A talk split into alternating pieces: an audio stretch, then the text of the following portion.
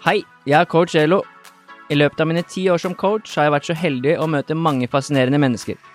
Dette er mennesker som er målretta, og som har en spesiell drive for å bli bedre. I denne podkasten har jeg fått sjansen til å sette meg ned med flere av disse, hvor de deler åpent og ærlig fra sin historie. Her deler de både erfaring og verktøy som er verdifulle for alle som ønsker å skape en forandring i livet sitt. Har du et mål eller et ønske om å forandre noe i ditt liv? Da er denne podkasten for deg.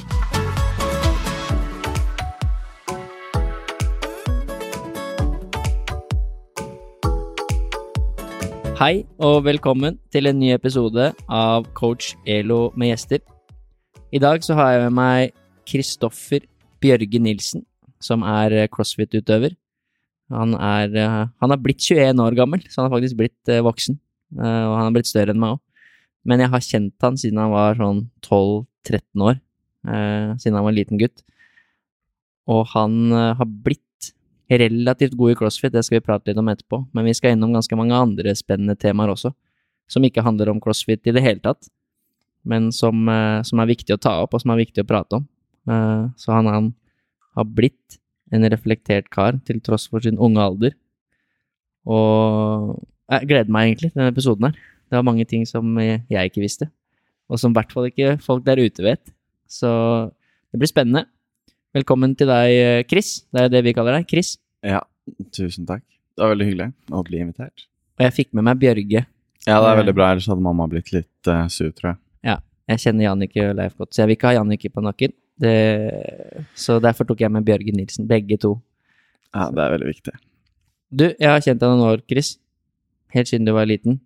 Det stemmer. Jeg begynte jo å jobbe på Asker treningssenter i 2013, tror jeg. Det er åtte år siden. Og da var det din far, Leif, og din mor, Jannicke, som eide Asker treningssenter. Og der ble jeg kjent med deg, Markus og Nico. Nico var veldig ung, men det var du òg. Så jeg husker dere hang rundt der og gjorde lekser og rydda og var med på dugnader og Ja, var, dere var med hele tida. Ja, det, det var, var, eh, det var familiebusiness. Ja. Det var det. Jeg tror dere var innom hele tiden. Mm. Og nå har dere åpna nytt senter der igjen. Ja, det er vel ikke helt oss, men uh, det, er, uh, det er Fredensborg trening som har åpnet i gamle Bankveien 10. Ja, for nå bor dere faktisk i Bankveien 10? Nå bor mamma og pappa i Bankveien 10, og jeg flytter dit om en måned akkurat. I egen leilighet, ja? I egen leilighet, ja. Som er eid av både meg og mine brødre. Det er veldig viktig å få med, ellers tror jeg får, av for jeg, Ja, for jeg tyna Markus. tyna Markus er det ingen som bryr seg om. Men uh, dere bodde jo, eller vi hadde jo Asker treningssenter i, i det bygget der i Bankveien 10, og det har blitt revet og renovert, så har det blitt leiligheter der. Mm. Uh, og det er der dere har kjøpt leilighet. Så det syns jeg er litt kult, da. Ja, det For der har jeg gått mye inn og ut av dørene. Nei, vi bygger et Eller blir bygd et veldig, veldig bra senter der nå. Som ja. vi er Som blir veldig, veldig bra. Mm. Men du er medlem på CrossFit Asker? På jeg, jeg er medlem på CrossFit Asker, det stemmer. Det er der hvor jeg jobber nå. Så det har vært mye det har egentlig alltid vært der sånn fram og fra og til med Leif og Jannik og deg og Markus, og egentlig alltid hatt kontakt, da, selv om jeg flytta til Kristiansand. Du har vært der noen ganger òg, faktisk? Ja, jeg har vært der. Ja. ja. Det var vel der jeg slo norgesrekord i vektløfting. Ja, og det kan vi se, som vi òg prate om etterpå. Ja. Norgesrekord i vektløfting. Det er kult. Men uh, jeg tenkte vi så det var Vi må ta noen sånne historier som er gøy, da. jeg har flere. Ja, ok. Nå er jeg spent. Men helt i starten, jeg husker når, vi, når jeg begynte på Asker treningssenter, så Leif og Jannicke de er jo kjent for å De er veldig flinke til å dra i gang ting. da. Arrangementer og kickoffer og fester, og vi har vært i Polen, og vi har vært overalt. Og Sorush Yosani, som var eh, leder der da for PT-avdelingen, han er også flink til å dra i gang kurs, da. Forskjellige typer kurs. Mm.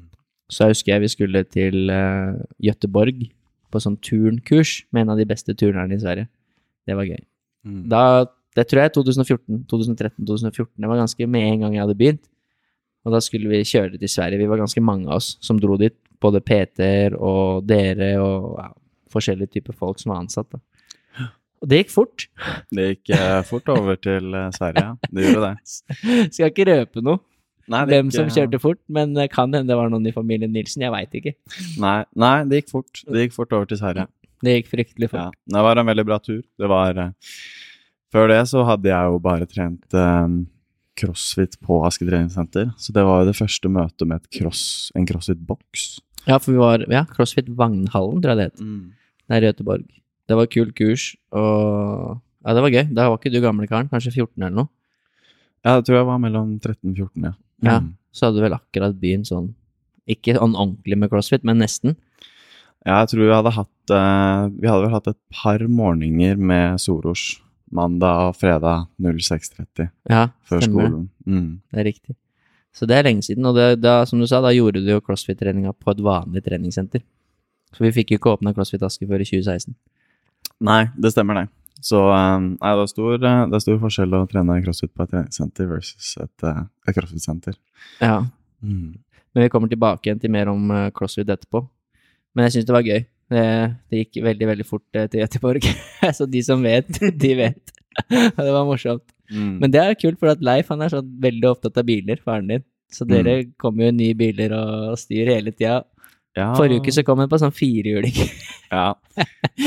Glad i kjøretøyer og ting som går fort. ja. Vannskutere driver dere med, og det er mye greier. Mm. Alt som går fort, egentlig. Alt som går fort. Det er ikke, jeg vil ikke akkurat si at jeg har arvet alt det av pappa, men, eh, men det er veldig gøy å sitte på. Men uh, vi skal komme litt mer inn på deg, da, Chris, for i dag så skal vi innom en del ting. Og det er jo det er kult at du velger å stille opp. Vi skal høre litt om hvem du er, selvfølgelig. Hvor du er fra. Uh, ja, Asker. og litt Mm. sånn om oppveksten din og sånn.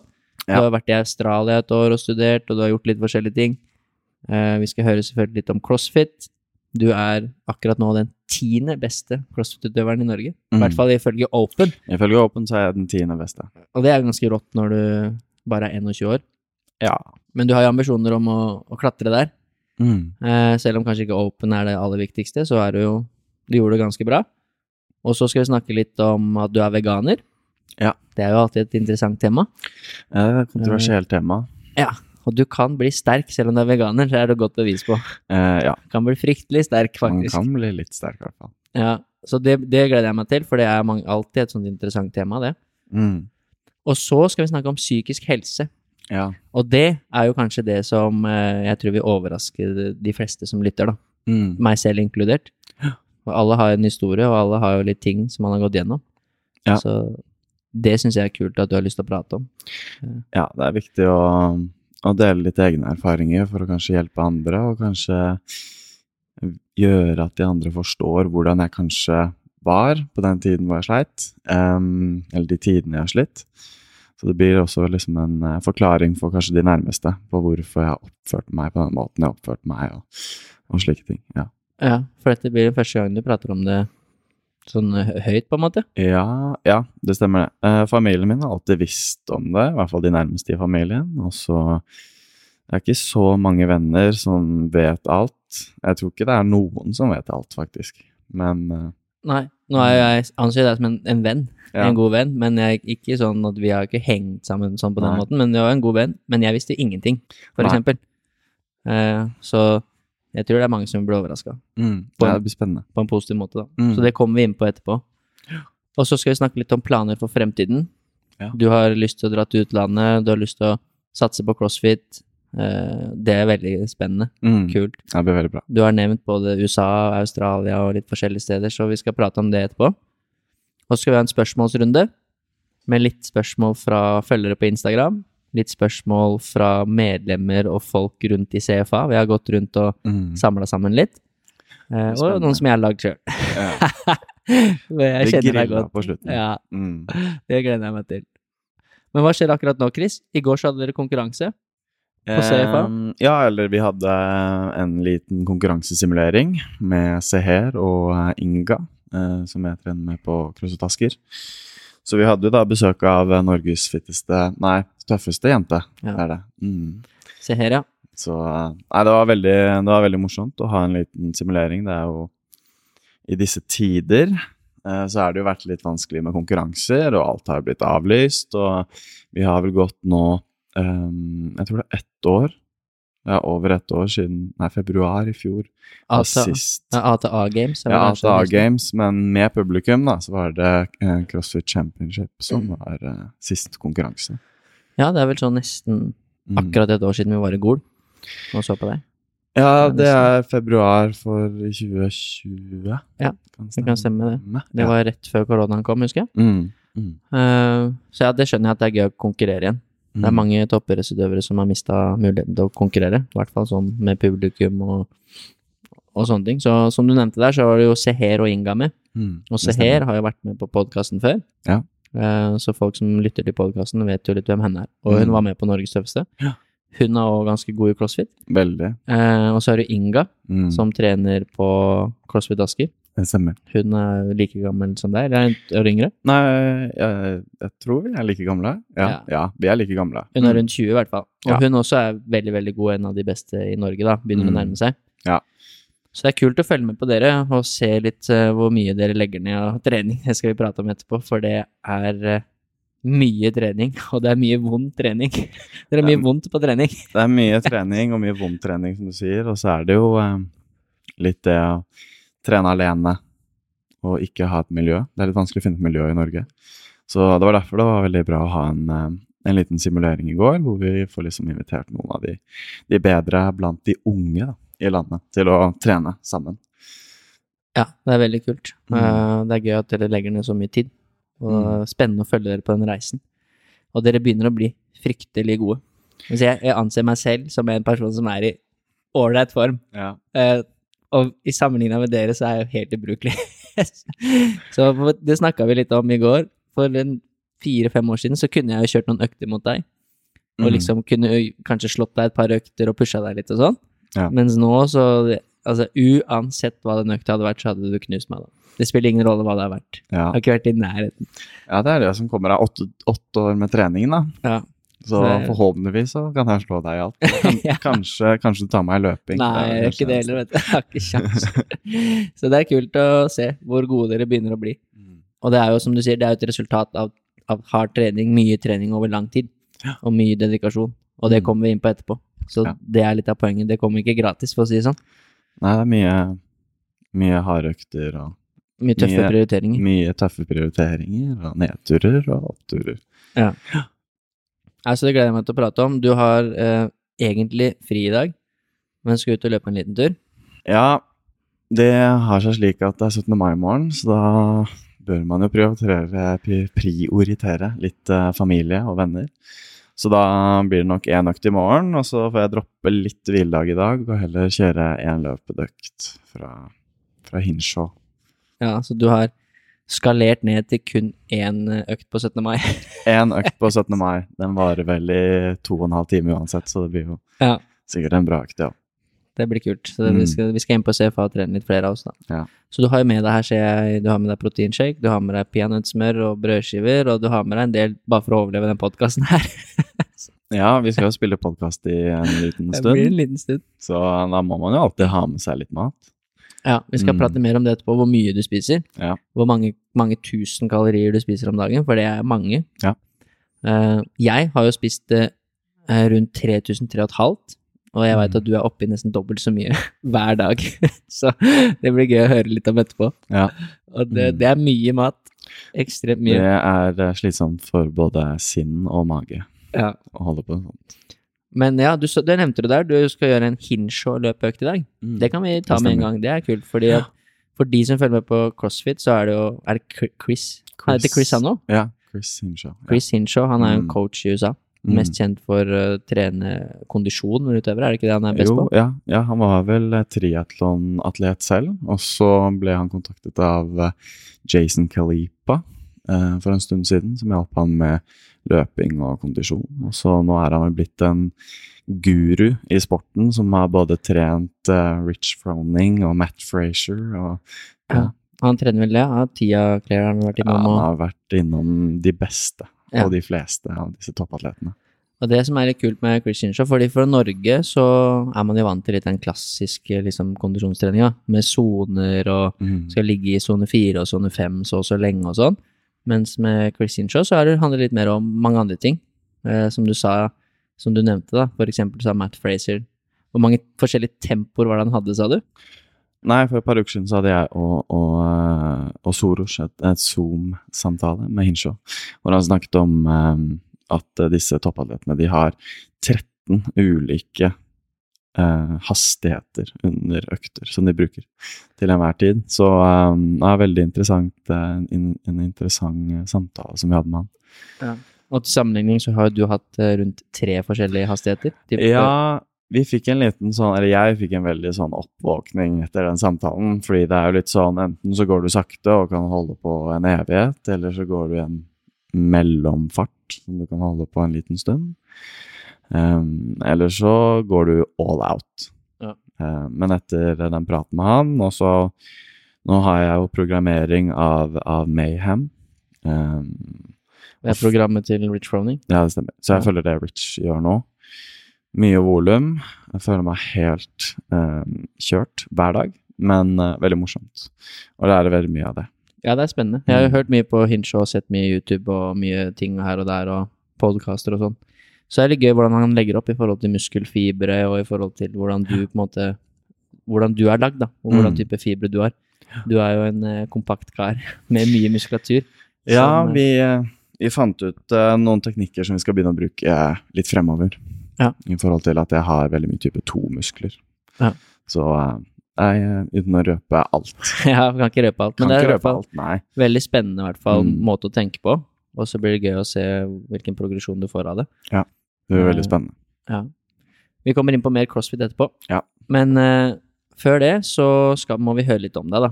Ja. Litt sånn uh, hvor du er fra, oppveksten din og sånn. Ja. Litt om skolegang, og litt om uh, det året du hadde i Australia. Ja. Og der vil vi jo komme litt inn på, på psykisk helse underveis også. Mm. Men kan ikke du bare starte med å fortelle litt hvor du er fra, Chris? Jo, jeg er jo fra Asker. Um, gått eh, skole i Asker, og eh, ja, født og oppvokst i Asker. Askebøring, vil jeg jo si at jeg er. Um, så jeg har gått på Jansøka barneskole, Solvang ungdomsskole. Og til slutt så gikk jeg på tre ulike videregåender. Jeg gikk på um, Sandvika et år, og så gikk jeg på eh, eh, en skole i Australia. Og så til slutt uh, da eh, en miks mellom Sandvika og Asker til slutt. Ja, det kommer vi litt inn på etterpå, da. Mm. Hvorfor du gjorde det. Ja. Men det har vært fint å vokse opp i Asker, sånn i utgangspunktet, har det ikke det? Jo, veldig. Asker er et bra sted, og jeg har jo møtt mye, mye bra folk her. Um, begynte jo um, Jeg begynte, hva kan man si, sin treningskarriere med fotball og turn. Jeg trodde egentlig at jeg hadde en ganske bra eh, fotballkarriere i starten. Alle tror det. Ja, alle tror alle gutter har drømt om en liten fotballkarriere og sett på Messi og sånne ting på YouTube. Um, jeg trodde at jeg var ganske flink i fotball, men jeg fikk jo vite da etterpå at jeg hadde Etter at jeg slutta, selvfølgelig. Så fikk jeg vite at jeg hadde en ganske berømt første touch. Um, ikke fordi den var bra, det var fordi den var spesielt ræva. Uh, jeg hadde aldri kontroll når jeg fikk den ballen. Heldigvis så var jeg litt sterkere og litt raskere enn de fleste, så jeg klarte å hente meg igjen, men det var sjeldent. Ja, vi har jo en, har en fotball i, på CFA, så vi har jo litt sånn uh, enspretten og sånn når vi varmer opp. Ja. Det er ikke fryktelig imponerende. Nei, nei, innerst inne så tror jeg at jeg er ganske flink, men jeg vet at det er, er ikke, det er ikke noe talent der. Det er nok ikke det. Det kunne Mm. sikkert blitt bra. Ja, det kunne nok det. Men dere er med turn? Det, hvor lenge dere er med turn, da? Og jeg drev med turn i to perioder. Eh, når jeg var ganske ung, var jeg drev med turen. Um, og så slutta jeg, og så begynte jeg igjen. Um, jeg husker ikke helt hvor mange år jeg drev med det. Men det var bare litt sånn for å lære litt mer akrobatikk. Uh, trampoline og sånne ting. Det var egentlig det som var uh, grunnen. Å lære seg å trikse litt. Uh, beherske kroppen. Eh, men det endte jo med at jeg måtte lære å danse. Fordi de ville jo at vi skulle inn på å konkurrere. Så jeg drev jo med, med, med turen eh, en liten stund. Helt til jeg landa på hodet et par ganger og valgte å slutte. Jeg hadde noen eh, konkurranseforberedende triks som ikke gikk så veldig bra. Men tror du det har hjulpet deg med crossfit? For at uh, turn er jo, eller gymnastikk, gymnastics, det er jo en stor del av crossfit. Å ja, det er ikke noe tvil om. Det har aldri vært noe uh, Ingen av turnøvelsene i crossfit har vært noe problem. Gå på hendene er som å gå på beina. Det, er, det trenger litt oppvarming, og så sitter det. Det har alltid sittet. Og nei, det har vært en uh, veldig, veldig viktig del av crossfit-karrieren. Ja, Mm. for du er, ja, det er som du sier, du er god på det. Gå, Mm. gå på hendene, handstand pushups, muscle-ups og Mm. ringer og alle sånne ting er du veldig god på. Ja, så jeg har fått veldig mye igjen av den uh, turntreningen som jeg hadde da. Mm. Ja. Førstedutchen i fotball har ikke fått så mye ennå. Nei, jeg har hatt jævla stive ankler. Det er det eneste. det er det eneste, ja. Bare sånne hiccups etter fotballen. Det er det eneste jeg har merka fra fotballen. Det er kanskje litt bra, litt kondis som stammer fra fotballen, ellers så er det bare sånn Hele høyresida er stiv. Ting du må rette opp i Ja, helt seinere. riktig. Helt riktig. ja. Men når, hvor gammel var du når du begynte å henge på treningssenter? Fordi at vi var jo inne på det. Faren din har jo drevet Mm. med treningssenter i 100 år. Ja. Uh, med alt mulig rart. Nei. Nei, som jeg sa, jeg trodde at jeg var uh, flink i fotball. Um, men så begynte de å toppe fotballen, og jeg ble ikke tatt ut i førstelaget. Og um, jeg så jo at, ehm, at kameratene mine fikk lov til å trene på morgenen. Uh, og det syns jeg var veldig sånn Ok, hvis du kan dra og trene fotball før skolen, ja, da er du god.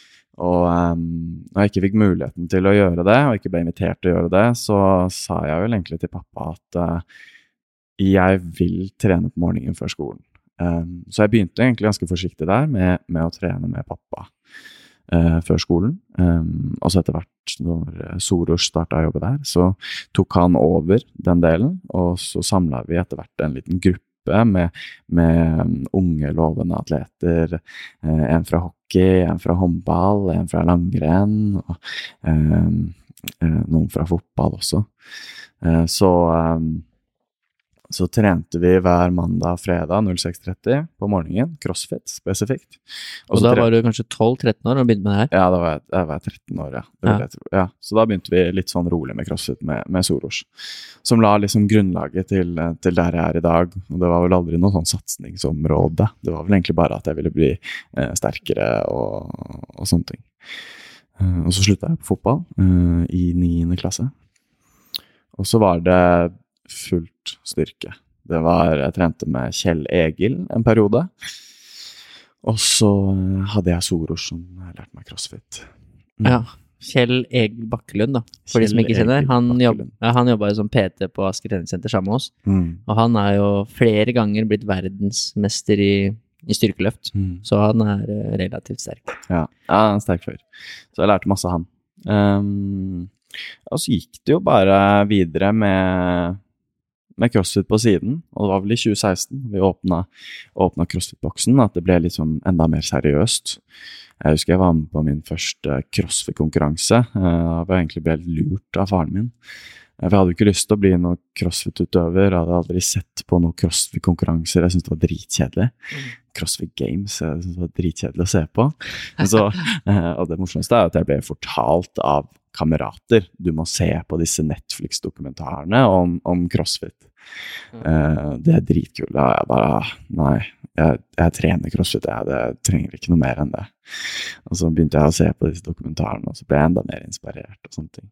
Men jo, tilbake til den konkurransen. Jeg ble jo lurt, eh, egentlig, av faren min. Eh, for han hadde hørt om en konkurranse i Drammen.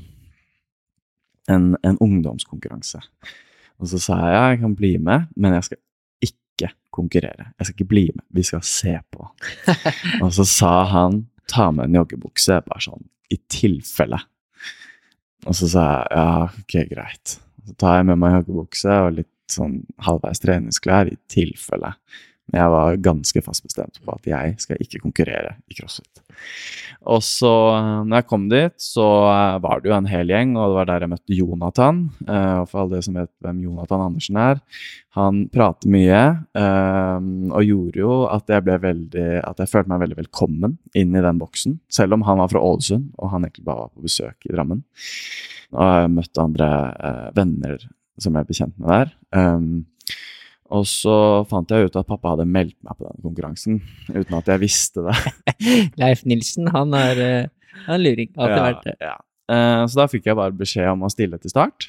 Uh, og så ble jeg jo med, da, mot min vilje, og syntes at det var veldig gøy. Jeg fikk vel en tredjeplass i den konkurransen. Uh, så det viste jo seg at disse treningene med Soros i starten hadde gjort sin nytte. Og gjorde at jeg ikke var den dårligste blant ungdommene der. Eh, Så det var veldig gøy. Ja.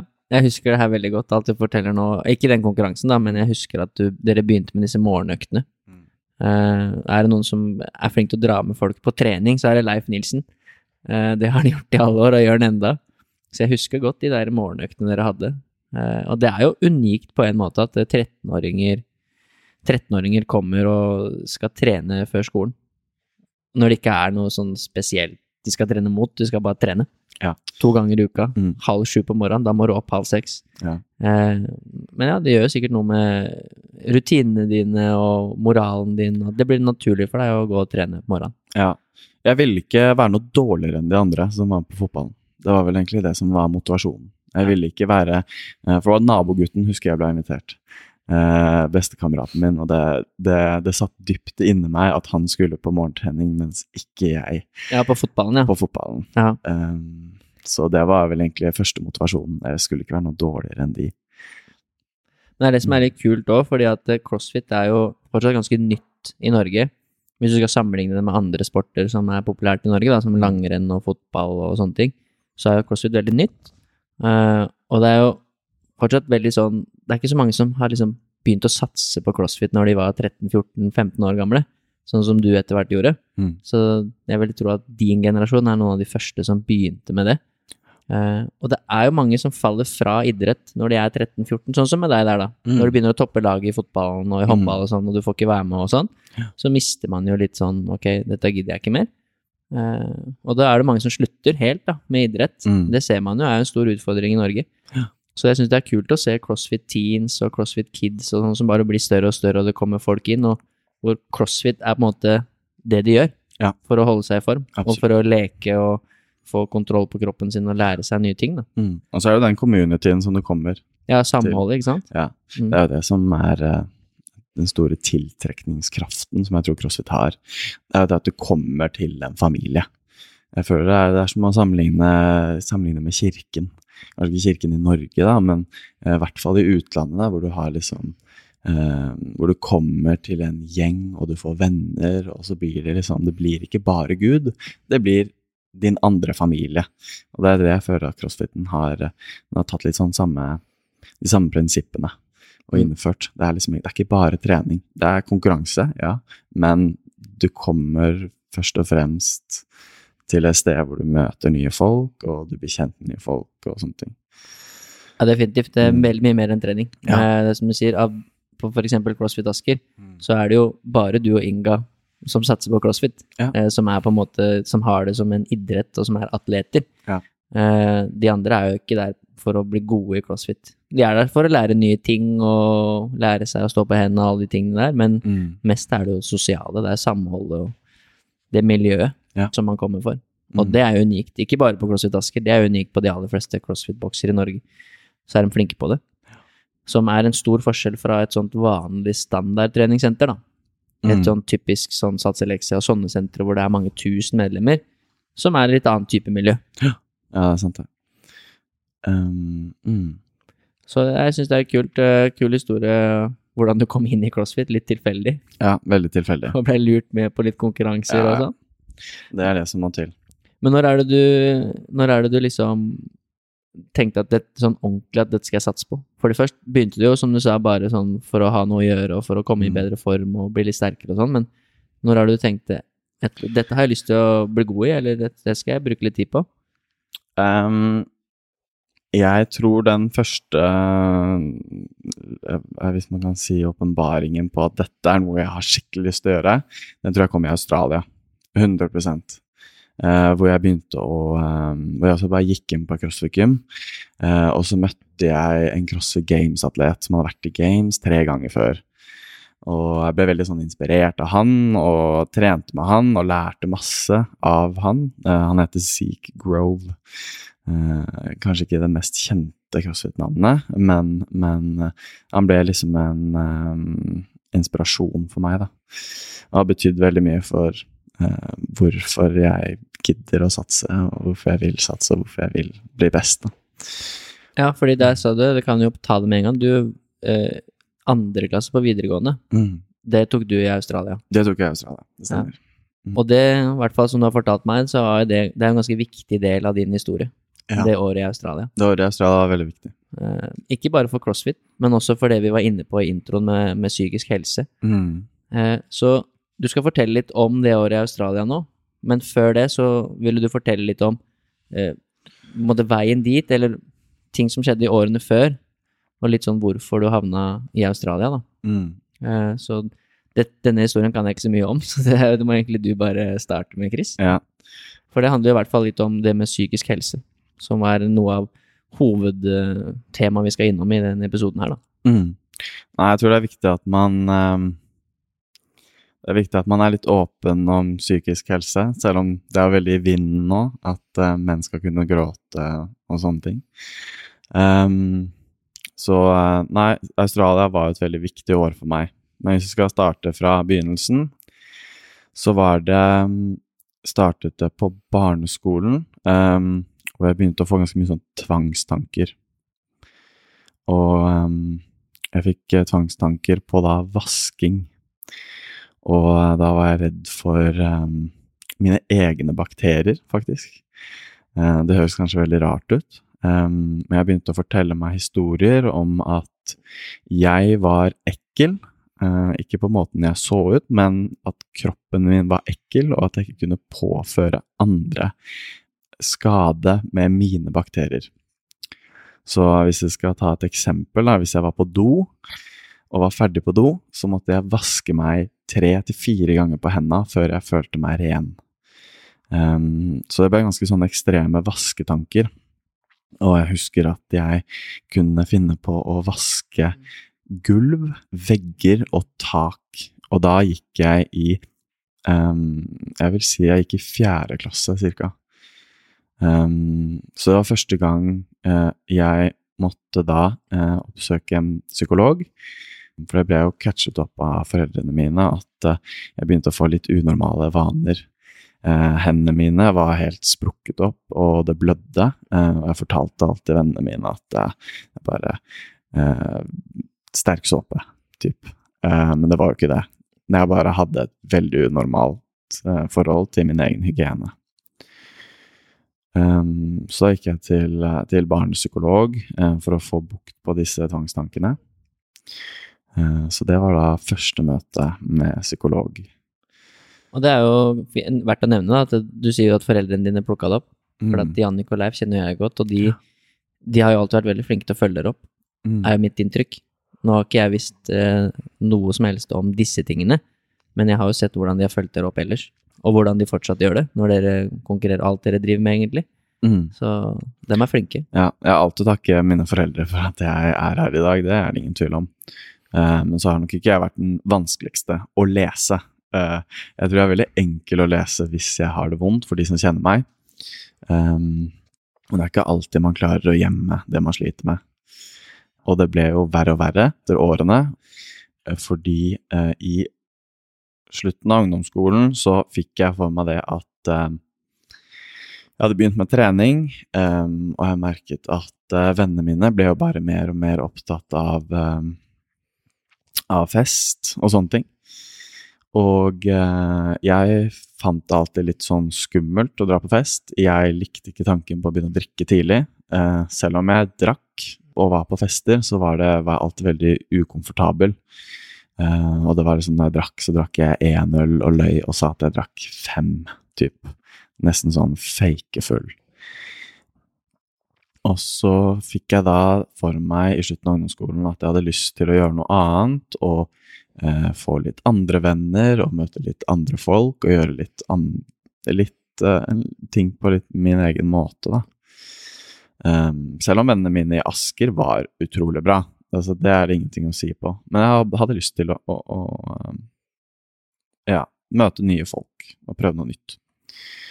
Um, så da valgte jeg å gå mot eh, alle mine venner og gå og starte på Sandvika videregående. Um, og der kjente jeg, tror jeg kjente to eller tre jenter. Ingen i min egen klasse, så i klassen min så kjente jeg ingen.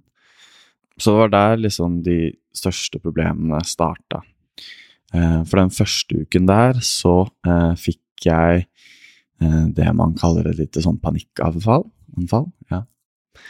Og husker det veldig godt, for da satt jeg i en fransktime som jeg egentlig ikke skulle sitte i. Um, og så kjente jeg at det var sånn Det er nye folk rundt meg. Jeg skal egentlig ikke være i denne klassen, jeg skal egentlig ha tysk 1. Jeg skal ikke ha fransk 3. Og jeg kjente sånn pulsen øker, pusten øker, og så kjente jeg at jeg ble helt sånn ildrød i ansiktet. Og jeg måtte ta på meg en hette, og så kjente jeg bare svetten begynte å sile gjennom kroppen min. Og det var Jeg hadde null kontroll. Det var Altså, det var det rareste jeg hadde opplevd i hele mitt liv. Og jeg satt der og bare tørka svetten, og så tenkte jeg bare Jeg kan ikke sitte her. Altså, folk kommer til å se det her, og folk må jo tro at jeg er syk for at dette skjer. Um, så husker jeg sa, at, jeg sa til læreren at uh, jeg må opp og snakke med rådgiver, for jeg skal egentlig ikke være i denne klassen her. Da tok jeg sakene mine, uh, alt sammen, uh, og så gikk jeg ut av skolen og jeg dro hjem for den dagen. Uh, jeg husker jeg ringte mamma tror jeg, og sa at uh, det, her, det, her, har skjedd, og jeg vet ikke hva som skjer. hva skal jeg gjøre? Og da var det litt sånn Det er, det er første uke på en ny skole. Du kjenner ingen. Um, og grupper begynner å danne seg, så det er veldig sånn naturlig at man kanskje får en liten sånn reaksjon ved å være i klasser som man ikke kjenner. Og så utviklet det seg til å bli verre og verre. Eh, som sagt, jeg var ikke noe drikker, og jeg var ikke så keen på så veldig mye fester. Eh, men samtidig da, på starten av videregående, så er det veldig vanlig at russegrupper begynner å dannes. Og da ble jo jeg han som hadde lyst til å være med i en russegruppe, eh, men samtidig satse på idrett, eller liksom fortsette å holde, fortsatt å holde trykket oppe på idrett. Så ble det sånn dilemma på hva skal jeg gjøre. Så det var liksom sånn Skal jeg si ja til å være med på fest, eller skal jeg ikke si ja til å være med på fest? Og så kan det hende at jeg sa nei et par ganger i starten, og da blir man jo eh, sånn Når jeg ser tilbake på det, så skjønner jeg at folk da slutter å invitere. Og jeg skjønner at da blir man jo Man blir jo ikke regna med på fest fremover. Når man kanskje ikke er den som leverer best på fest fra start. Um, så ble jo dette en litt sånn ond sirkel, um, hvor jeg da bare møtte disse vennene som jeg hadde på Sandvika, på skolen, og aldri i fritiden. Så dette påførte jo enda flere problemer med den angsten som jeg allerede hadde begynt å få. Um, ved at jeg, liksom, jeg følte meg ikke helt hjemme uh, på skolen, selv om det var kjempebra folk, og det var ingen som ville meg noe vondt. Jeg ble aldri mobba eller noe på den måten. Uh, men det er liksom sånne ting du forteller deg selv. Da. Jeg har vært veldig flink til å fortelle meg selv at du er dårlig. Du blir ikke invitert for at du er dårlig. Du er kjip. Du, det er en grunn til at du ikke er med på festen. Du er jo Chris. Hvem, hvem skal invitere deg? Uh, så disse, denne angsten uh, utviklet seg til å bli ganske ille. Um, og det ble bare jeg gikk inn i et klasserom, så fikk jeg de samme heteslagene, da, hvis man kan kalle det. Uh, hvor svetten bare begynte med en gang jeg gikk inn i et klasserom. Og så fikk jeg veldig problemer med at uh, jeg fikk oppmerksomhet. Eller liksom hvis man fikk oppmerksomhet, hvis man skulle lese et avsnitt fra en bok i høyt i klassen, eller skulle holde et foredrag, så fikk jeg de samme liksom, angstanfallene, hvor jeg bare mister all kontroll på kroppen. Um, og så fikk jeg det da først på presentasjoner, som er ganske vanlig. Og så fikk jeg det da idet jeg skulle gå inn i klasserom, så fikk jeg de samme problemene. Selv om det var de samme folka jeg møtte hver dag. Og så um, fikk jeg de samme anfallene bare jeg gikk inn på skolen. Og så, på det verste, så var det det hver gang jeg gikk inn på et tog. For jeg tok jo tog til skolen hver dag. Så da hadde jeg liksom flere anfall i løpet av en dag mot, eh, mot, det verste. Jeg hadde, da jeg gikk inn på toget, jeg hadde et lite anfall. Og så gikk det over. Og så gikk jeg inn på skolen, og så fikk jeg et lite anfall. Jeg måtte inn på badet og liksom roe meg ned og få ned temperaturen og drikke vann og helle kaldt vann over, over, uh, over armene mine og i ansiktet, bare for å få ned pulsen og, og kjernetemperaturen. Da. Og så fikk jeg liksom et nytt anfall igjen og gikk inn i klasserommet. Så det ble liksom en veldig ond sirkel, eh, hvor det bare var sånne småanfall hele tiden. Eh, som gjorde at jeg bare trakk meg mer og mer tilbake og ville ikke snakke med noen. Og ville ikke være rundt noen i det hele tatt. Så det ble ganske ille mot slutten.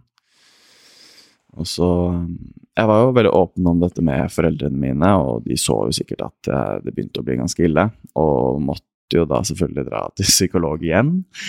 Um, hvor jeg fortalte om at jeg hadde fått litt sånn ja, sosial angst, da, hvis man kan kalle det det. Uh, hvor jeg hatet oppmerksomhet fra folk. Og jeg var jo ikke en fyr som hata det på barneskolen og ungdomsskolen. Jeg elsket jo å ha presentasjoner foran klassen. Jeg elsket jo oppmerksomhet. Men det ble liksom På videregående så ble det bare hundre ganger verre. Ja, det, det er fint at du velger å dele de tingene, da, for at det, for meg også, og for alle andre som kjenner deg nå, eller hvis man kommer inn nå mens du er i, på en treningsøkt, Mm. så er virker jo du som en ganske eh, En kar med god selvtillit, og som er trygg på deg sjøl, da. Og det er du jo også. Og som ikke minst er fysisk stor og sterk, da. Uh, og som Ja, jeg tror det er veldig mange som ser opp til når de møter deg. Jeg tror ikke de tenker at han der sliter med å, å være et rom med andre. Så når du fortalte det til meg òg, at dette vil jeg prate om på, i episoden, så ble jeg også litt sånn Oi, det visste jeg ikke at du Mhm. har gått gjennom. Så det er jo veldig fint at du velger å dele det. Og vi Mm. kommer mer inn på det nå etter hvert, hvordan, hvordan du løste det og, med Australia og andre ting. Mm. Hvordan du på en måte fikk eh, kontroll på disse tingene, da. Ja. Uh, men jeg kjenner meg jo litt igjen i, ikke med sosial angst, men jeg kjenner meg litt igjen med i forhold til det med festing og i forhold til det med miljøer, da. Hvor det er jo vanlig når man begynner på ungdomsskole og videregående at eh, alle ungdommer blir jo dratt litt der. Vi utforsker ting, da. Alkohol og røyk og snus og mange i min vennegjeng blei ble det mye drugs, og det var jo veldig mye. Jeg har jo fortsatt kompiser som jeg mista kontakt med, som fortsatt driver med det. Og det er jo naturlig. Og da må du på en måte ta et valg, da. Og hvis du har han ene som Nei, jeg skal drive med idrett, eller noe annet, så er ikke alltid det så enkelt. Sånn var det for meg òg. Jeg var han ene som Jeg skal satse på fotball. Spille Strømsgodset. Sa nei til fester, var ikke så mye med. Ble slutta Ja, de slutta å invitere. Mista kontakt på en måte med, med den type folk og, og den gjengen, da. Eller de type arrangementene. Og da kan man jo føle seg litt sånn ekskludert. Det er jo ikke Mm. alltid lett å gå gjennom når man er ung. Uh, så hvordan var dette Også det med russ, da. Uh, og spesielt kanskje Bærum, Asker. Mm. Så dette russestyret er jo ute av en annen verden. Ja, det er det. Og sånn er det jo enda. Mm. Og det er mye kult. Altså, det er viktig å feire å være russ, men det kan jo bli voldsomt for noen. Ja, jeg tror nok eh, for noen er det den eh, beste tiden i livet deres, eh, og for andre så er det den verste. Ja. Jeg tror det er veldig stor forskjell på folk. For noen så syns de det her er, det er himmelen, og det skjønner jeg. For det er gøy å feste. Det er jo gøy å drikke og møte nye folk og ja, danse til musikk, liksom. Men for noen så kan det bli ganske så ensomt hvis man ikke er den som eh, vil eller blir invitert. Da. Men hvordan er veien videre da? For at eh, dette var jo første klasse. Dette var første klasse, ja. Uh, jo, da måtte jeg jo da til psykolog igjen, Ja. med, med å snakke om Prøve å liksom få kontroll på disse følelsene og lære seg å leve med det at man får litt sånn uh, anfall i løpet av en dag. At man kan få en del av de, da. Så jeg begynte jo å lære meg å leve med dette, da. Leve med det å være varm og begynne å svette, og så må man bare puste og få kontroll på følelsene. Og så visste jeg at jeg skulle til Jeg visste at jeg skulle til Australia. Så det ble liksom en liten sånn trøst at eh, ok, kanskje, kanskje det blir bra der. Um, men um, ukene før Australia så var det veldig sånn Shit, klarer jeg det her? Eh, jeg tror nok familien også tenkte litt sånn Hm, ja, hvordan skal dette gå? Det er vanskelig her i Asker eller i Sandvika når det er så nært, og så skal han flytte til Gold Coast i Australia, hvor han ikke kjenner noen, starte på en helt ny skole og bo med en helt ny familie. Så er det, det er et stykke unna òg. Er et veldig stort stykke unna. Ja. Mm. Så, men, men eh, det var det som var så rart, når jeg dro ned til Australia, eh, satte meg på det flyet, så gikk det jo Selvfølgelig hadde jo litt sånn anfall i starten. Den første uka litt sånn shit. Ok, jeg kan ikke Nå må jeg bare puste ut og lære meg Huske dette, det psykologen sa til meg. Bare prøve å leve litt med det. Og så tok det vel to-tre uker, og jeg møtte masse nye folk og så mye, mye bra folk og lærere og familien min som jeg bodde hos. Det var bare helt konge. Jeg tror det tok to uker, så var alle problemene mine borte. Jeg hadde ingen sosial angst lenger. Og um, livet mitt ble bare Det ble bare ja, snudd på hodet. Man fikk liksom uh, Jeg vet ikke hvorfor det skjedde. Det kan nok hende at alle de som jeg dro ned til Australia med, var i veldig samme båt. Uh, ingen kjenner noen. Uh, alle starter fra scratch. Man kan begynne å skrive sin egen historie. Man har um, man har ikke noe bakgrunnshistorie når man kommer ned dit. Det er ikke sånn at jeg visste hva han andre fyren som, eh, som jeg ble kjent med i klassen, hadde gjort før. Eh, og han jo visste jo ingenting om meg, så jeg kunne liksom begynne å skrive min egen historie. Det var ingen av de som visste at jeg satsa på idrett. Det var ingen av de som visste at jeg ikke likte å drikke og sånne ting. Men det gikk jo litt sånn Ja, man kunne begynne å skrive sin egen historie, og det var Det hjalp ganske mye. Eller veldig mye. Ja, og det hadde du jo, som du var inne på der, du hadde jo hatt et lite ønske om helt fra ungdomsskolen, at du hadde de tankene om at vet du hva, jeg Ja, ikke at du ikke likte vennene dine, men at jeg vil teste noe nytt, møte noen andre. Mm. Ja, finne litt ut av hva er det jeg vil for noe. Ja. Uh, og da har du jo gått gjennom noen tøffe år, men nå i dag så tror jeg du har kommet ganske mye sterkere ut av det, da. Mm. At du kanskje eh, sammenlignet med mange andre på din alder vet mye mer hva du vil, Mm. eh, og hvem du er, hva du står for, hva Mm. du har lyst til å drive med. Fordi du turte å stå i det, Mm. og har valgt å stå i det. Eh, men jeg snak, vi snakka jo litt om det her før vi spilte inn, for at jeg visste jo ikke så mye om det. Og da spurte jeg da om akkurat det, men hvorfor, hva tror du er grunnen til at det ble så mye bedre i Australia? Bare plutselig. Du hadde jo vært hos psykolog, og du hadde vært og fått litt tips til ting du skulle gjøre og sånn, men da nevnte du jo det at eh, menneskene i Australia var også litt annerledes fra menneskene i Norge. I, ja, i måten å møte deg på, og kan fortelle litt mer om det. Mm. Og ikke minst den familien som du bodde hos, som var veldig kristne også. Eh, at det også hadde mye å si, da. Mm. Og det var, var ikke det russejaget og, og de tinga der heller. Mm. Nei, man starter jo med Når man flytter ned dit, så starter man jo helt med blanke ark. Som jeg sa, du kan begynne å skrive din egen historie. Og så um, Australia har en veldig spesiell kultur i forhold til det Norge har. I Norge så er det sånn Man sier hei til hverandre når man går på fjellet, men uh, møter du en fyr som du ikke kjenner, så sier du ikke hei. Uh, I Australia helt ulikt. Går du, møter du noen langs en promenade, så sier alle hei. Noen kommer til å stoppe deg og si hei, hvordan går det? Hei, hva, hvem er du? Og man fikk liksom en følelse på at man var litt mer sett, og at folk faktisk brydde seg om deg. Um, og så hadde jeg jo en veldig fin familie der nede. De var jo som sagt veldig kristne, så jeg var jo litt skeptisk til det i starten. Jeg var jo ikke kristen i det hele tatt, og jeg er jo ikke det nå heller, men eh, jeg ser jo nå mye mer verdi i det å være kristen. Um, og jeg vet at uh, vertsfaren min han hadde også gått gjennom litt tøffe perioder, han òg. Og han var jo veldig åpen om det, og det hjalp jo meg veldig mye. At han var åpen om at han hadde hatt uh, noen problemer før. og det gjorde at jeg kunne åpne meg og si at jeg har slitt med sosial angst de siste åra, og jeg var helt sikker på at jeg ikke kommer til å klare det her nede i Australia.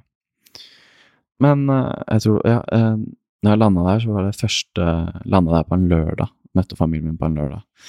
Og så søndagen etterpå så ble jeg invitert til kirken. Jeg var litt skeptisk i starten, men så, så sa jeg at jeg har veldig lyst til å være med, og ble med dit. Og det var bare Altså, for en gjeng. Helt fantastiske mennesker. Jeg har aldri møtt så mange mennesker som bare vil deg godt enn i, kristne i det kristne miljøet. De åpner seg, og de forteller om sine livshistorier, og jeg er helt ny. Og så snakker jeg, og så blir det litt sånn snakker om sine egne problemer, og folk er bare positive, og de inviterer deg på fester, og det er liksom Det er en helt et helt annet miljø. Ja. Man føler seg sett, man føler seg brydd om, Uh, og det er ikke noe sånn uh, Du drikker ikke. Det er ikke så mye dømming, liksom. Nei, nei. Nei. Det er liksom Vi er forskjellige, men vi bryr oss ikke. Vi kan henge sammen selv om du ikke drikker. Vi kan henge sammen selv om du er på den bussen, holdt jeg på å si. Ja. Um, og jeg er på en annen. Men ja. Ja, for det tror jeg man har litt å lære av i Norge, som du sier generelt. Det er jo Mm. litt sånn, som du sier, man hilser på hverandre hvis man er på fjellet.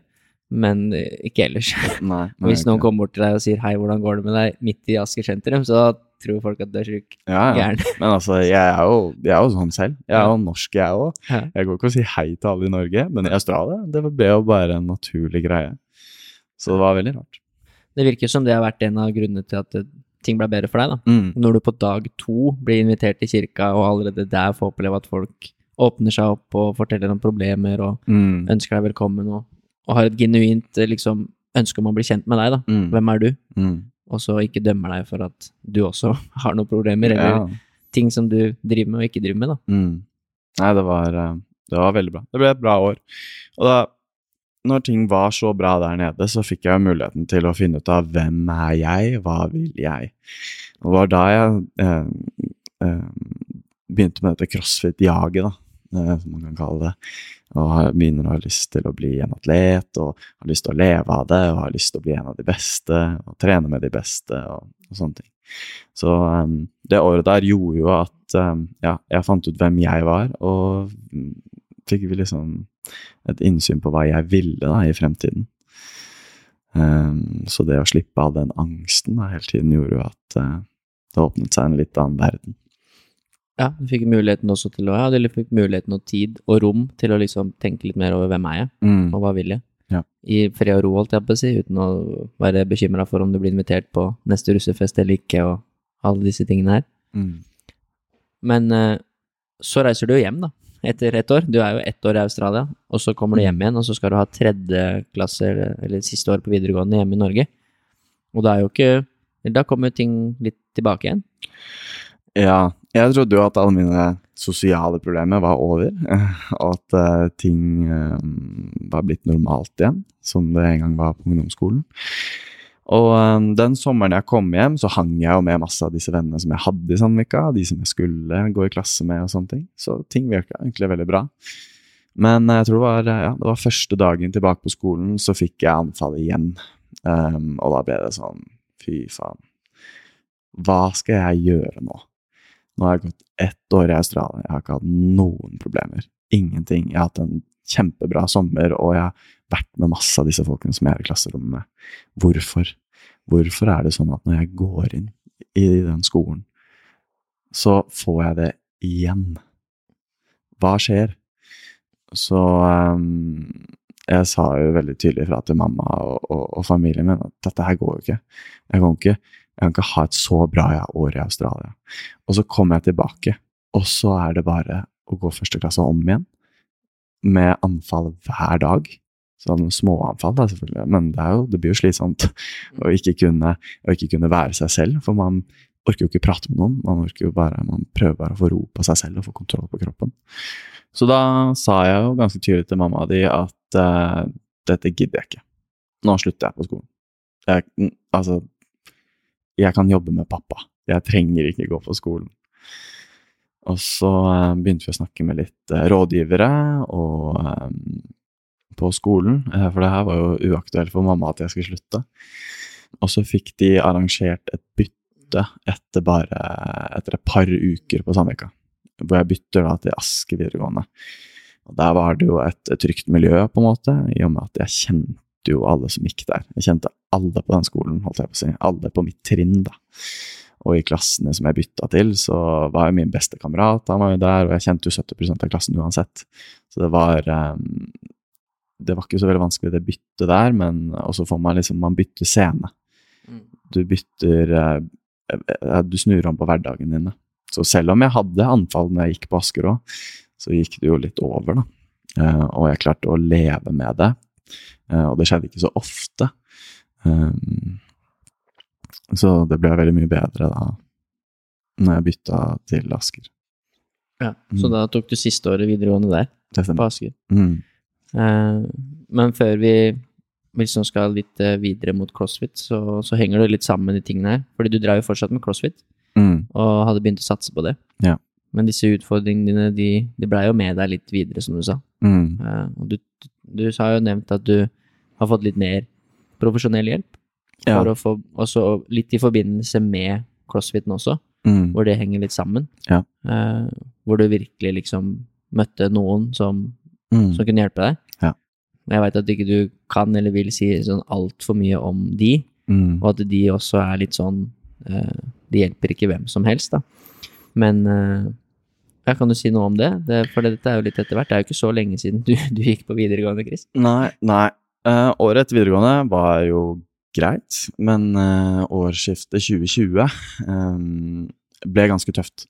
Det året som jeg vant Norwegian Championship, det er konkurransen for community, eh, det ble ganske tøft. Jeg startet året med å, å eh, begynne å eh, tenke på hvordan jeg oppførte meg. Jeg begynte å eh, grave på samvittigheten min, eh, analysere hele hverdagen min, eh, og da gikk det på det at jeg ønsket ikke såre noen. Og jeg begynte å analysere alt jeg sa, alt jeg gjorde, alle ting jeg hadde gjort og kan ha sagt. Og eh, begynte da å overtenke veldig, og det tok over hverdagen min helt. Så i flere måneder holdt jeg på sånn at når, hver gang jeg gikk og la meg, så tenkte jeg shit, i dag har jeg sagt noe.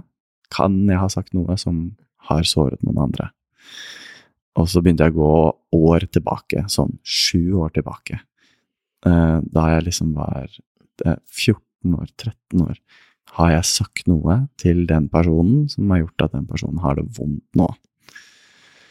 Og det ble ganske ille. Um, etter et par måneder var, Jeg tror det var rundt ATA Games det virkelig, virkelig tippa.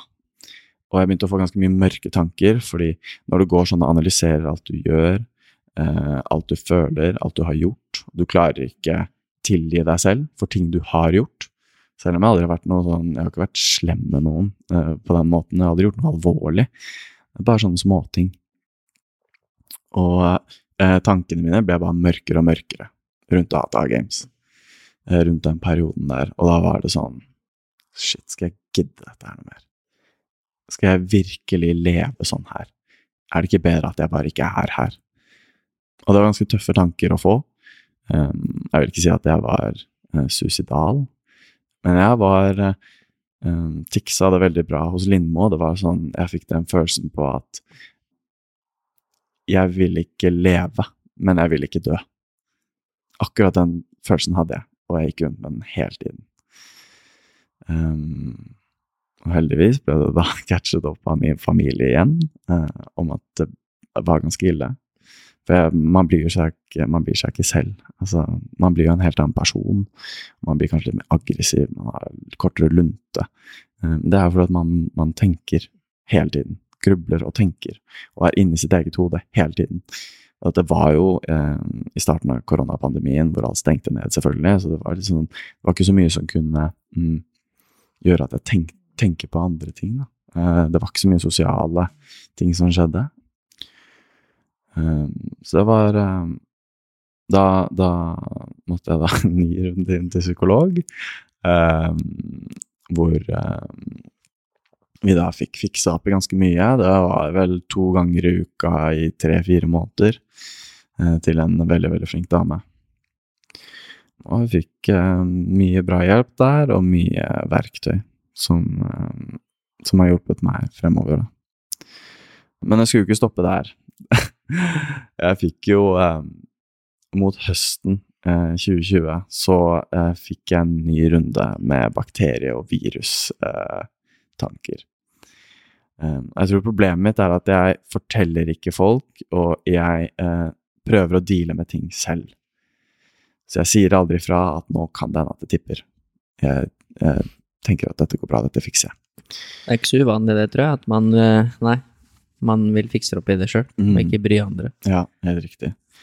Så var det den tanken jeg fikk. Eh, og så begynte jeg da med da virus og sykdommer igjen, som jeg hadde da på barneskolen fra, eh, som det første problemet. Da. Og eh, da, på det verste, så kloret jeg leiligheten min, hele leiligheten min, hver gang jeg skulle ha besøk. Og jeg hadde sikkert preppa en og en halv time til to timer før noen skulle innom leiligheten eller på besøk. Og det lukta jo som om det var en svømmehall inni leiligheten min. Ja. Ja, ja. Det var ikke bra. Jeg tror jeg brukte, jeg brukte en liter klor annenhver uke. Og um, og jeg brukte nesten to liter med desinfikasjon i uka. Da er, da er du nøye på det. Mm. Det var helt grusomt. Og, men det er liksom sånn Jeg tenkte jo at jeg, jeg, For meg selv, jeg var jo ikke syk. I leiligheten min hadde jeg kontroll, men ikke kontroll, på en måte. Jeg hadde egne soner som var skitne. Jeg hadde egne soner som var rene. Og hvis jeg var skitten, så kunne jeg finne på å helle antibac over meg i dusjen. Ja, det var ille. Men jeg var ikke syk i mine egne tanker. Jeg var ikke syk. Og jeg trengte ikke hjelp, for jeg fiksa det. Jeg sa jo til mamma nei, jeg fikser det. Det går bra. Gi meg én uke, så er alle problemene borte.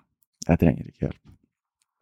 Men dette var litt sånn lignende tanker som du hadde på barneskolen? Mm, Dette med bakterier og sånn? ja, bare at nå var det satt i enda mer system da, i hodet mitt. Ja. På en måte. Eller for meg selv da var det jo satt i system. Nå visste jeg jo, eh, av pandemien også, så jeg vet jo hva som dreper bakterier nå.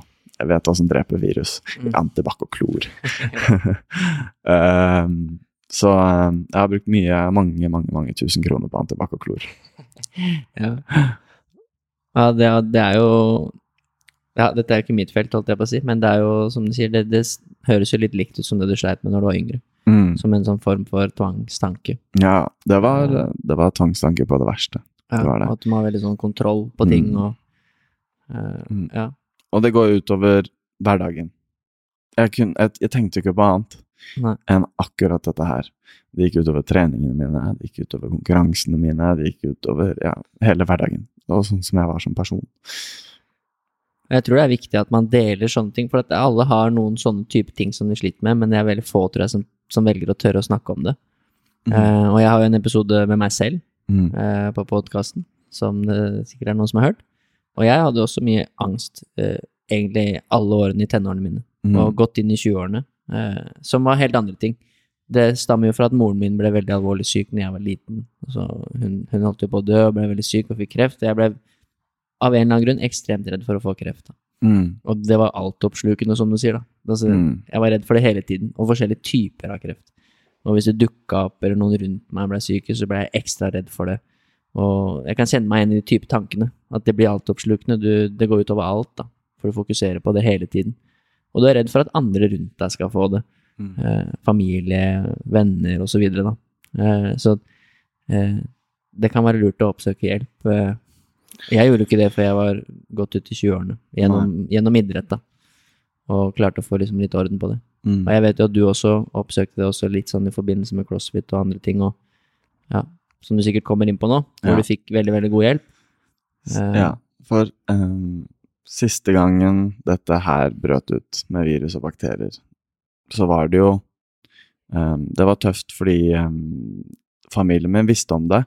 Mamma og pappa visste om det, men jeg prøvde alltid å skyve det under teppet og si at det er ikke så farlig, og jeg har kontroll på det. Og nei, nei, det er ikke sånn det funker. Og prøvde jo å, å ehm, gjøre det til så lite som det var, på en måte. Men det ble jo ille det å helle antibac over seg selv eh, for å ikke få virus, eller ikke smitte andre med virus, er jo ikke bra. Det ser jeg jo nå. Jeg husker pappa var innom leiligheten min, og det så ut som en bomba leir. Det var helt grusomt. Men jeg hadde kontroll. Jeg visste hva som var skittent, jeg visste hva som var rent. Jeg visste jeg hadde steder hvor jeg gikk, og andre steder hvor jeg ikke gikk, fordi jeg visste at det var skittent. Og da var vel valget enten så må vi legge deg inn, for dette er ikke bra. Eller så må vi besøke noen proffe folk. Um, ingenting var et alternativ for meg, men uh, jeg ville jo ikke bli lagt inn. men uh, Så vi, vi besøkte da noen, uh, noen folk som driver med et selskap som heter Torp Upgrades. Der møtte jeg to mennesker som har virkelig endra, livet mitt. Da har vi en som heter Svein, og en som heter Henrik. Og så er det et par andre som jobber i det selskapet. Dette er de tidligere De har vært mentaltrenere for mange toppidrettsutøvere, så dette var jo litt i forbindelse med trening, men mest for å få bukt på disse, alle, alle disse problemene. Tvangstankene og den sosiale angsten, den hadde jeg jo selv om det ikke var et stort problem, så eh, var den jo bak tankene hele tiden. Å møte nye folk var ikke gøy. Å gå på toget var fortsatt ikke gøy i, i den perioden. Men uh, de har virkelig endret livet mitt. 100 Jeg så så kvitt alle problemene mine fra å vært hos Svein. Men uh, før det så var jeg jo ikke syk. Altså, i, i mitt eget hode så var jeg jo ikke syk. Men jeg ser jo nå at jeg var jævlig syk. Det var jo ikke bra i det hele tatt. Så hvis det er én ting vi skal ta ut ifra at det jeg deler nå, er jo det at det er viktig å oppsøke hjelp, og det skal ikke være noe eh, stigma å gå til psykolog. Det, Og det, det fins hjelp, ikke minst, der Mm. ute. Veldig mye god hjelp også. Mm, det gjør det. Ja, for uten all den hjelpen som jeg har fått, så, um, og uten mamma og pappa, så ja, selv alt jeg vet, så hadde ikke jeg vært her i dag. For det var ille. Det var veldig, veldig, veldig ille. Ja. Og vi er glade for at du Mm. har fått hjelp, da. Ja. Uh, og at du valgte å oppsøke det, og at du har folk rundt deg som, som har plukka det opp, og som på en måte alltid har vært der, da. Og Mm. hjulpet deg på veien. Jeg tror det er eh, viktig. Jeg har jo hatt med flere i podkasten som har eh, slitt med alvorlige ting, som spiseforstyrrelser, eh, seksuelt misbruk, altså ting som er vanskelig, og som du faktisk trenger hjelp for å bli frisk av. En spiseforstyrrelse, for eksempel, du blir ikke frisk av det sjøl. Men det er mange av de samme tingene, faktisk. Det er jo kontrollbehov og sånne type ting der også. Ja. Og form for tvangstanker. Mm. Det handler jo ikke bare om at du spiser for lite eller spiser for mye. Det er ikke det som er greia. Det er resultatet av disse følelsene og tankene du går med hele tiden. Ja. At du må kontrollere og styre ting. Litt sånn som du hadde med antibac og måtte være rein, ikke rein og virus og sånne ting. Eh, Så det gjelder jo å oppsøke noen som kan det, Ja. og som kan gi deg verktøy.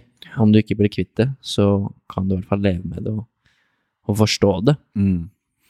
Eh, Så Nei, det var veldig viktig at man får frem det at du kan bli frisk.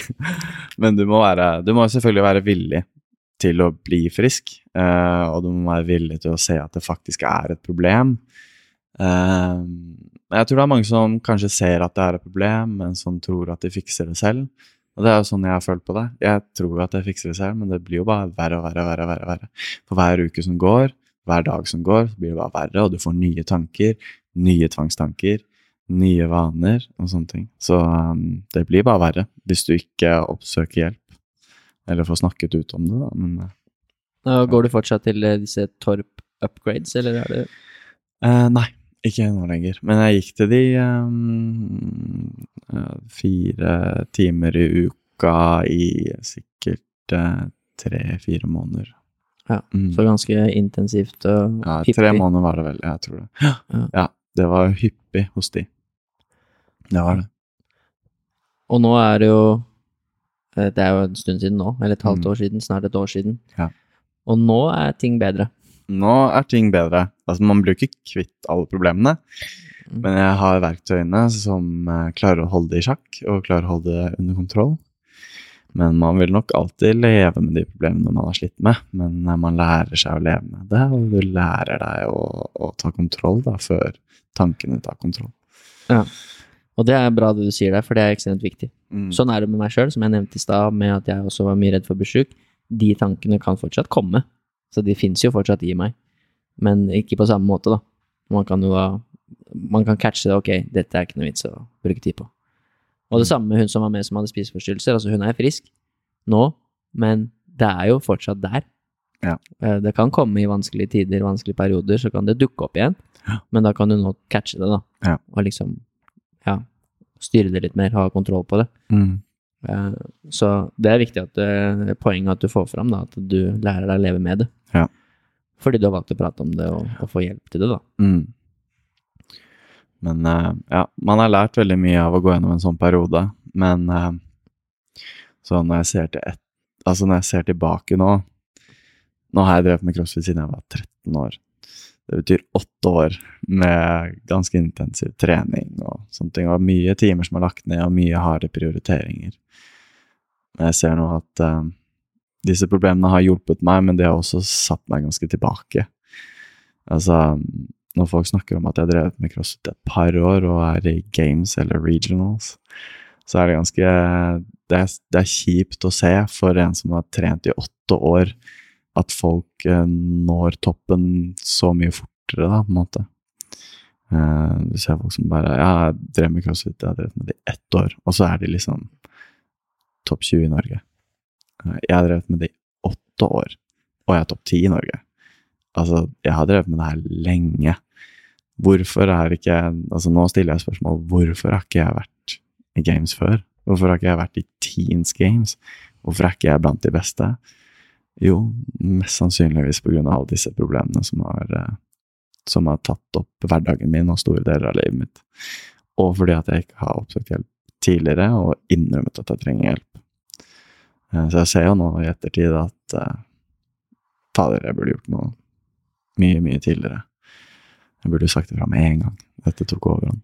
Det er alltid enkelt å være etterpåklok. Det Mm. er mm. det enkleste i verden. Ja. Men det som er gøy å se, er de rutinene du har nå, Mm. og det, hvordan treningshverdagen din er nå, som vi kommer inn på litt etter hvert, da, nå med, med crossfit. Ja.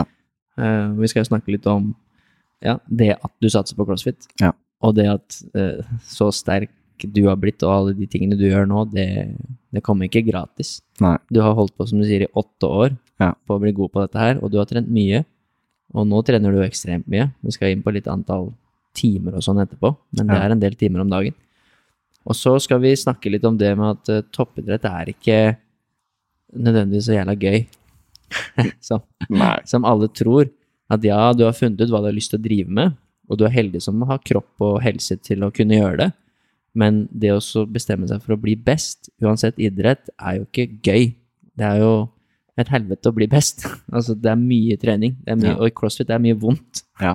Fysisk vondt for å pushe deg like hardt eh, som alle de andre, for Mm. å bli like god som det de er.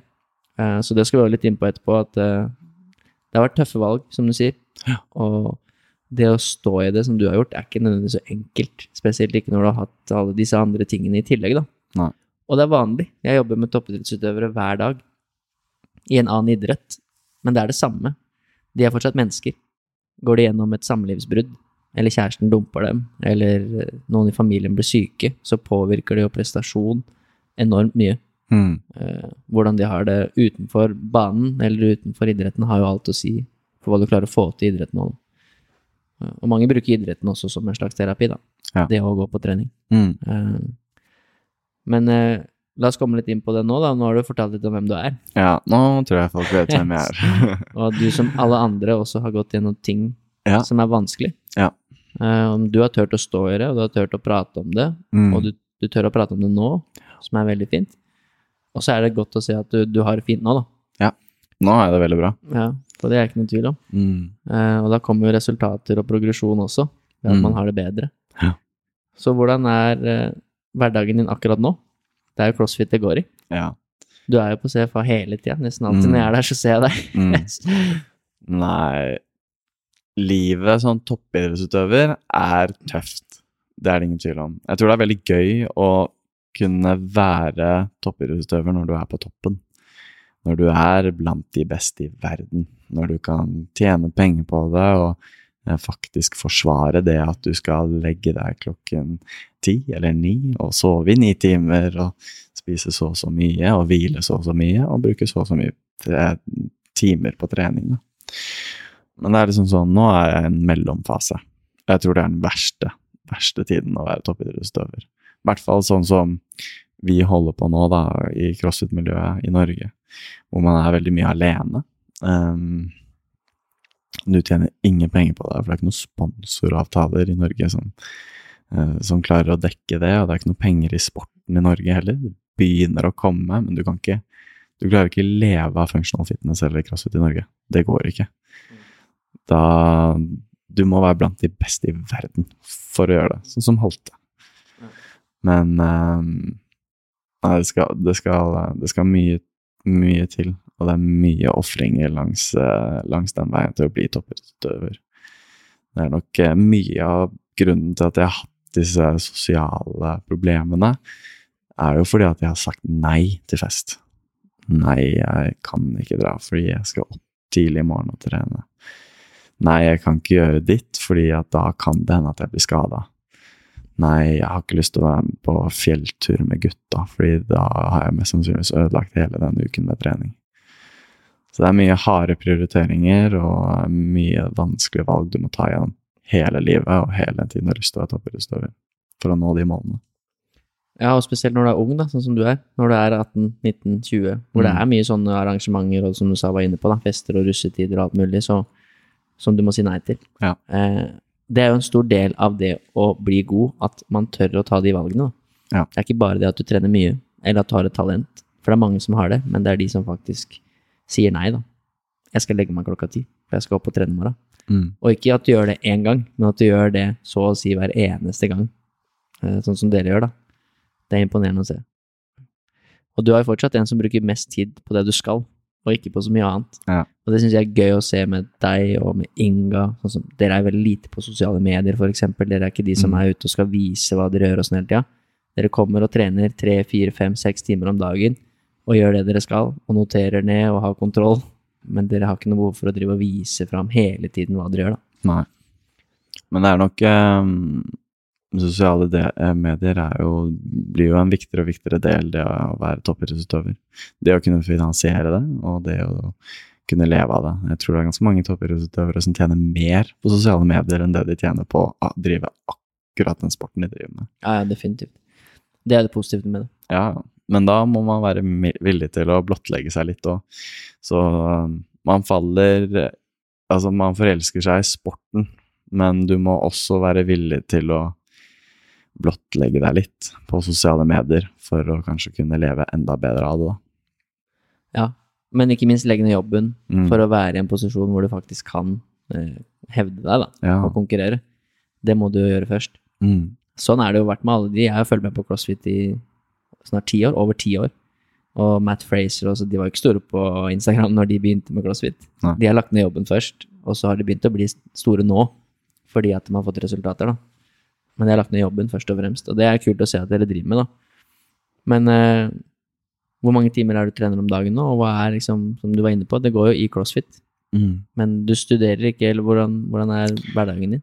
Nei, vi tok jo et valg for et års tid siden med at jeg må slutte å jobbe. eh, For det er jo ikke Det er vanskelig å være toppidrettsutøver og jobbe ved siden av. Mye, i hvert fall.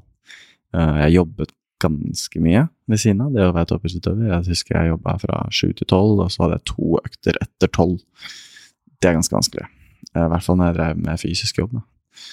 Eh, Men for et år siden så tok vi det valget om at jeg kommer til å dra ned jobben veldig.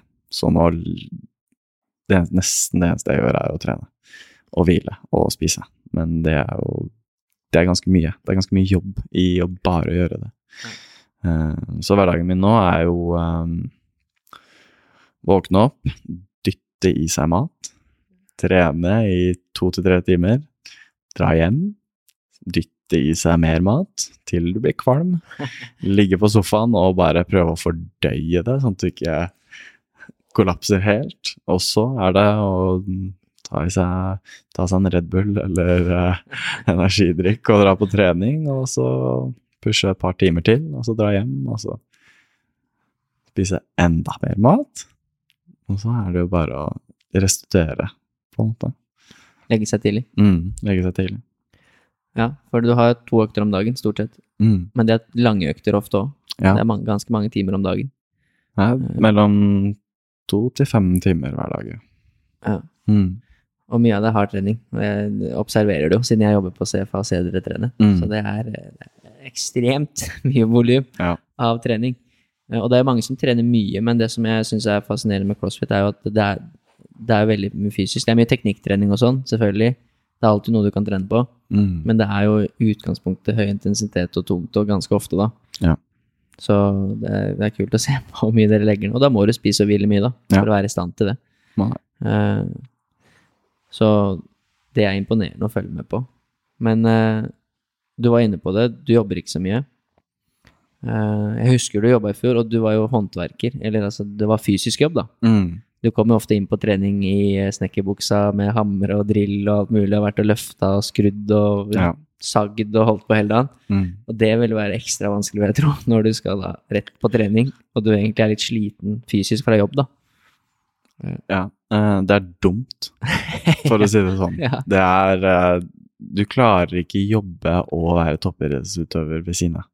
Det er så å si umulig, og det vil bare være Det vil bare sette deg ned, nesten. Altså, det blir uh, I hvert fall en sånn type sport som du driver med. Ja, Og hvis var du vil bli best. Mm, og jeg har slitt lenge med å gå opp i vekt. Det er jo en del av den jobben som vi har holdt på med. Da. At eh, jeg kan ikke veie 80 kilo for å drive med crossfit på toppnivå. Du må veie 86-87.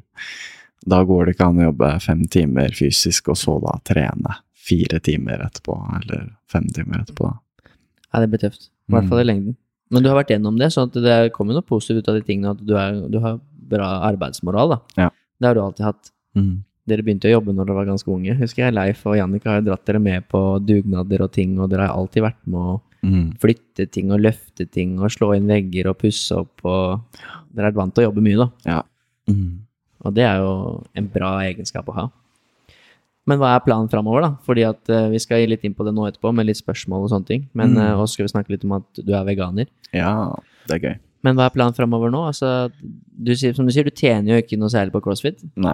Du har noen små sponsorer i ATA Mm. som jeg vet hjelper deg med medlemskap og klær og litt sånn, men Mm. Altså, hva er planen med det her? Nei. um, først takk ATA for all den uh, jobben som, og hjelpen jeg har fått med Soro, som har satt ned så mange tusen timer med, med trening og motivasjon og programmering og hjelp. Og med Robin og Mille og Ole og hele den staben der er jo alltid med og hjelper. Um, og legger til rette da, for at vi kan kunne trene sånn som vi kan. Um, så um, Nå glemte jeg spørsmålet ditt. Jo, uh, hva skal jeg gjøre videre? Hva er planen? Jo, jo. Um, som sagt, toppidrett i Norge vanskelig. I hvert fall crossfit. Crossfit er veldig vanskelig i Norge. Langrenn uh, litt enklere. Fotball også litt enklere. Men eh, planen blir å se mot utlandet. Um, nå er jo alt stengt, så jeg kommer meg jo ikke inn noen steder, så det er ganske frustrerende. Men jeg har et ønske om enten USA eh, å dra og trene. Vi har snakket om San Diego med Invictus, og eh, kanskje prøve å presse seg inn i Tennessee med Mayhem. Men eh, ingen planer er satt 100% men det er det jeg vil. Jeg vil, jeg vil til utlandet og vil prøve, prøve meg der, og jeg tror eh, det er det neste steget i eh, crossfit-karrieren min. Da. Det er å dra til utlandet. Og så om det er Australia eller USA, eh, som jeg må ut. Jeg må ut, ja. Det blir jo litt det samme som du sier med Hvis du driver med håndball i Norge, da, eller fotball, eller langrenn, så har du på en måte gode nok lag her, ofte, til å kunne ta et steg opp, bytte til et bedre lag, bedre utøvere. Og det er mange gode crossfit-utøvere i Norge, altså veldig mange gode, Mm. blant de beste i verden. Men det er som du sier, det mangler jo litt miljøer og muligheten til å være en del av noe. Så det å gå på Asker treningssenter for deg nå alltid være 100 ganger bedre enn alle andre som er der, så blir det vanskeligere å skape utvikling, da. Mm. Går du til, altså Du nevnte jo Invictus og Mayhem. Dette er jo store hva skal vi si, det- store bokser da, med programmeringer og atleter og coacher i USA som er veldig flinke. Og da vil du jo komme til et sted hvor det er likesinnede, da. Mm. Mange som er som deg, Mm. som vil bli best i crossfit, og som er like gode og bedre, og coacher. Så Ja. det er ikke noe tvil om at du vil tatt et steg av å gjøre det. Nei. Nei, jeg tror det er, eh, det er neste steget. Det er, eh, det er slitsomt å dra på CFA alene og trene. Ja. Det er det. Selv om det er en bra gjeng som er der nede, og vi har Inga, og så nå har vi fått enda en Inga fra, fra CrossFit Oslo som er, eh, som er innom et par ganger i uka. Og, men, men man trenger en gjeng, og nå har jeg trent såpass mye alene, eller med én annen, eller kanskje to andre hvis jeg er heldig, da. At eh, ja, det er vanskelig å, å, å trene på toppnivå når man er alene. Det er, man klarer ikke sammenligne det, og man trener litt sånn i blinde. Eh, så eh, man trenger en Og Greit å få de referansene kanskje hver dag. Ja. At folk står ved siden av deg som er like gode, da, Mm. og som pusher deg. Ja. Nå er ikke vi gode nok til første der lenger, ikke vi i nærheten engang. Men du spør jo ofte når skal du trene, Ole. Ja. Eh, Skal du trene to-tre? For jeg skjønner jo at det er kjedelig å trene aleine. Ja. så det blir jo kult for deg, da. Mm. Forhåpentligvis komme inn eh, en av de stedene nå, Ja. når verden åpner seg litt opp, da. For det er jo litt sånn også at det fins, som vi nevnte, det fins mange i Norge som er gode i crossfit, men mange av de som er på en måte best i Norge, de er jo en del eldre enn deg. De er nesten en annen generasjon. Mm. Hvis du tenker på Kristin Holte og Nico og disse, de er jo 30, 30 pluss, Mm. noe og sånn, så eh, for en 20-åring, så selvfølgelig du kan trene med de, men jeg skjønner, det blir jo ikke det helt det samme det heller. Uh, å være med de som er så mye eldre, og som har sine ting å drive med, Mm. og er på an et annet stadie i livet enn det du er, da. Ja. Nei, jeg trenger uh, likesinnede mennesker med lik interesse og gjerne litt lik alder. Ja, Det er eh, litt mer inspirerende da. veldig mye mer inspirerende, ja. Så må man, man må trene med de som er bedre enn en. Ja. Og det er, det, er vanskelig å gjøre det i Norge. Selv om har, det er ganske mange som er bedre enn meg i crossfit i Norge òg, så er det litt sånn eh, Ja, i hvert fall nå, da. Nå som alt er stengt. Jeg kan ikke dra til CrossFit Oslo og trene med den gjengen som er der. Men eh, ja. Men hvordan, hva er planen? Er det så skal du flytte aleine, eller hvordan er hva er tanken? Eh, første planen er treningscamp, typ. To-tre måneder. Se hvordan det er. Er miljøet riktig, eller må jeg finne et annet sted? Og så må jeg egentlig bare se hvordan fremtiden bringes. Det er jo sånn at uh, akkurat nå så må jeg jo kvalifisere meg gjennom Europa. Som betyr at da blir det jo kanskje lengre treningscamper i USA eller Australia. Og så da komme hjem til Europa og kvalifisere seg til Games, da. Når den tid kommer. Ja. Mm. For det er det som er målet, kvalifisere seg til CrossFit Games. Det er målet å bli best i games. Ja. ja, det er kult. Hvis jeg kan sette meg et veldig hårete mål, så er det jo å vinne games. Det er jo det som er drømmen. Det er viktig å ha drømmer, Mm. og det er viktig at de er litt hårete òg. Ja, det er det. Har du noe å strekke deg etter? Mm. Det blir kult å følge med på reisen din. Ja, det blir veldig spennende. Du er, eh, du er på god vei. Mm. Men jeg tenkte vi skulle også nå litt for hvis, når vi skal prate litt om sånn, Eller vi har en spørsmålsrunde til slutt, Ja. og det omhandler jo mye crossfit, da. Ja. Men uh, før det så tenkte jeg vi skulle prate litt om at det at du er veganer, ja. for det er ganske kult. Du er uh, den sterkeste veganeren jeg kjenner, sammen med Diddy, min kompis fra Kristiansand som jeg fortalte om, da, som også er veganer og er eh, hinsides sterk, da. Mm. Uh, Så han har selvfølgelig med seg noen gener, men han har også trent mye, og han Mm. spiser veldig mye. Eh, Men han er veganer. Ja. Og det funker veldig bra for han. Han er stort sett frisk og rask, og det er du òg. Ja. Så hva er greia med dette? Altså, hva vil det si å være veganer? Hva er det du da ikke spiser? ja. uh, kort hva man ikke spiser. Ingenting fra dyr, egentlig. Basically. Det er det man spiser. Ingenting som kommer fra dyr. Ikke egg, ikke melk. Og kjøtt og kylling og egg. Ingenting. Uh, bare planter, egentlig. Kort om hvorfor jeg gjorde det. Eh, jeg slet mye med mageproblemer. Eh, en lang periode med mye vondt i magen, og jeg trente jo mye på den tiden da, og da var det litt sånn Jeg måtte begynne med sånn selekt... Hva kan man det når man eh, tar bort én type mat i dietten sin, bare for å finne ut hva er det Har jeg laktose? Har jeg gluten? Um, og så gjorde jeg det en periode hvor jeg fjerna én ting og to ting. Og bare for å finne ut hva som var problemet, og ingenting hjalp. Jeg hadde jo vondt hele tiden, til hvert måltid. Uansett hva jeg spiste. Og så så jeg da selvfølgelig en dokumentar, da. Eh, kontroversiell dokumentar, selvfølgelig, eh, som heter What the Health eh, på Netflix. Eh, og da snakket de om det at kjøttet er veldig sånn tungt fordøyelig, og det kan merkes gjennom hele dagen. Eh, og så tenkte jeg shit, ja, veganer har aldri vært noe for meg. Eh, og jeg har alltid vært sånn åh, shit, veganer. For noe lame folk. ja.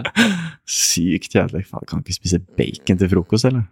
Det er eh, Men jeg måtte prøve. Jeg hadde så mye vondt i magen. Så selvfølgelig gjorde jeg det selvfølgelig når jeg var i Australia. Litt sånn hippie-style. Kjørte veganer der. Eh, tok et par uker å venne seg til.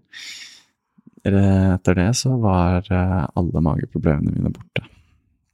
Og fra den dag så har jeg vært eh, litt on and off vegetarianer, veganer. Eh, det var veldig enkelt å være veganer i Australia.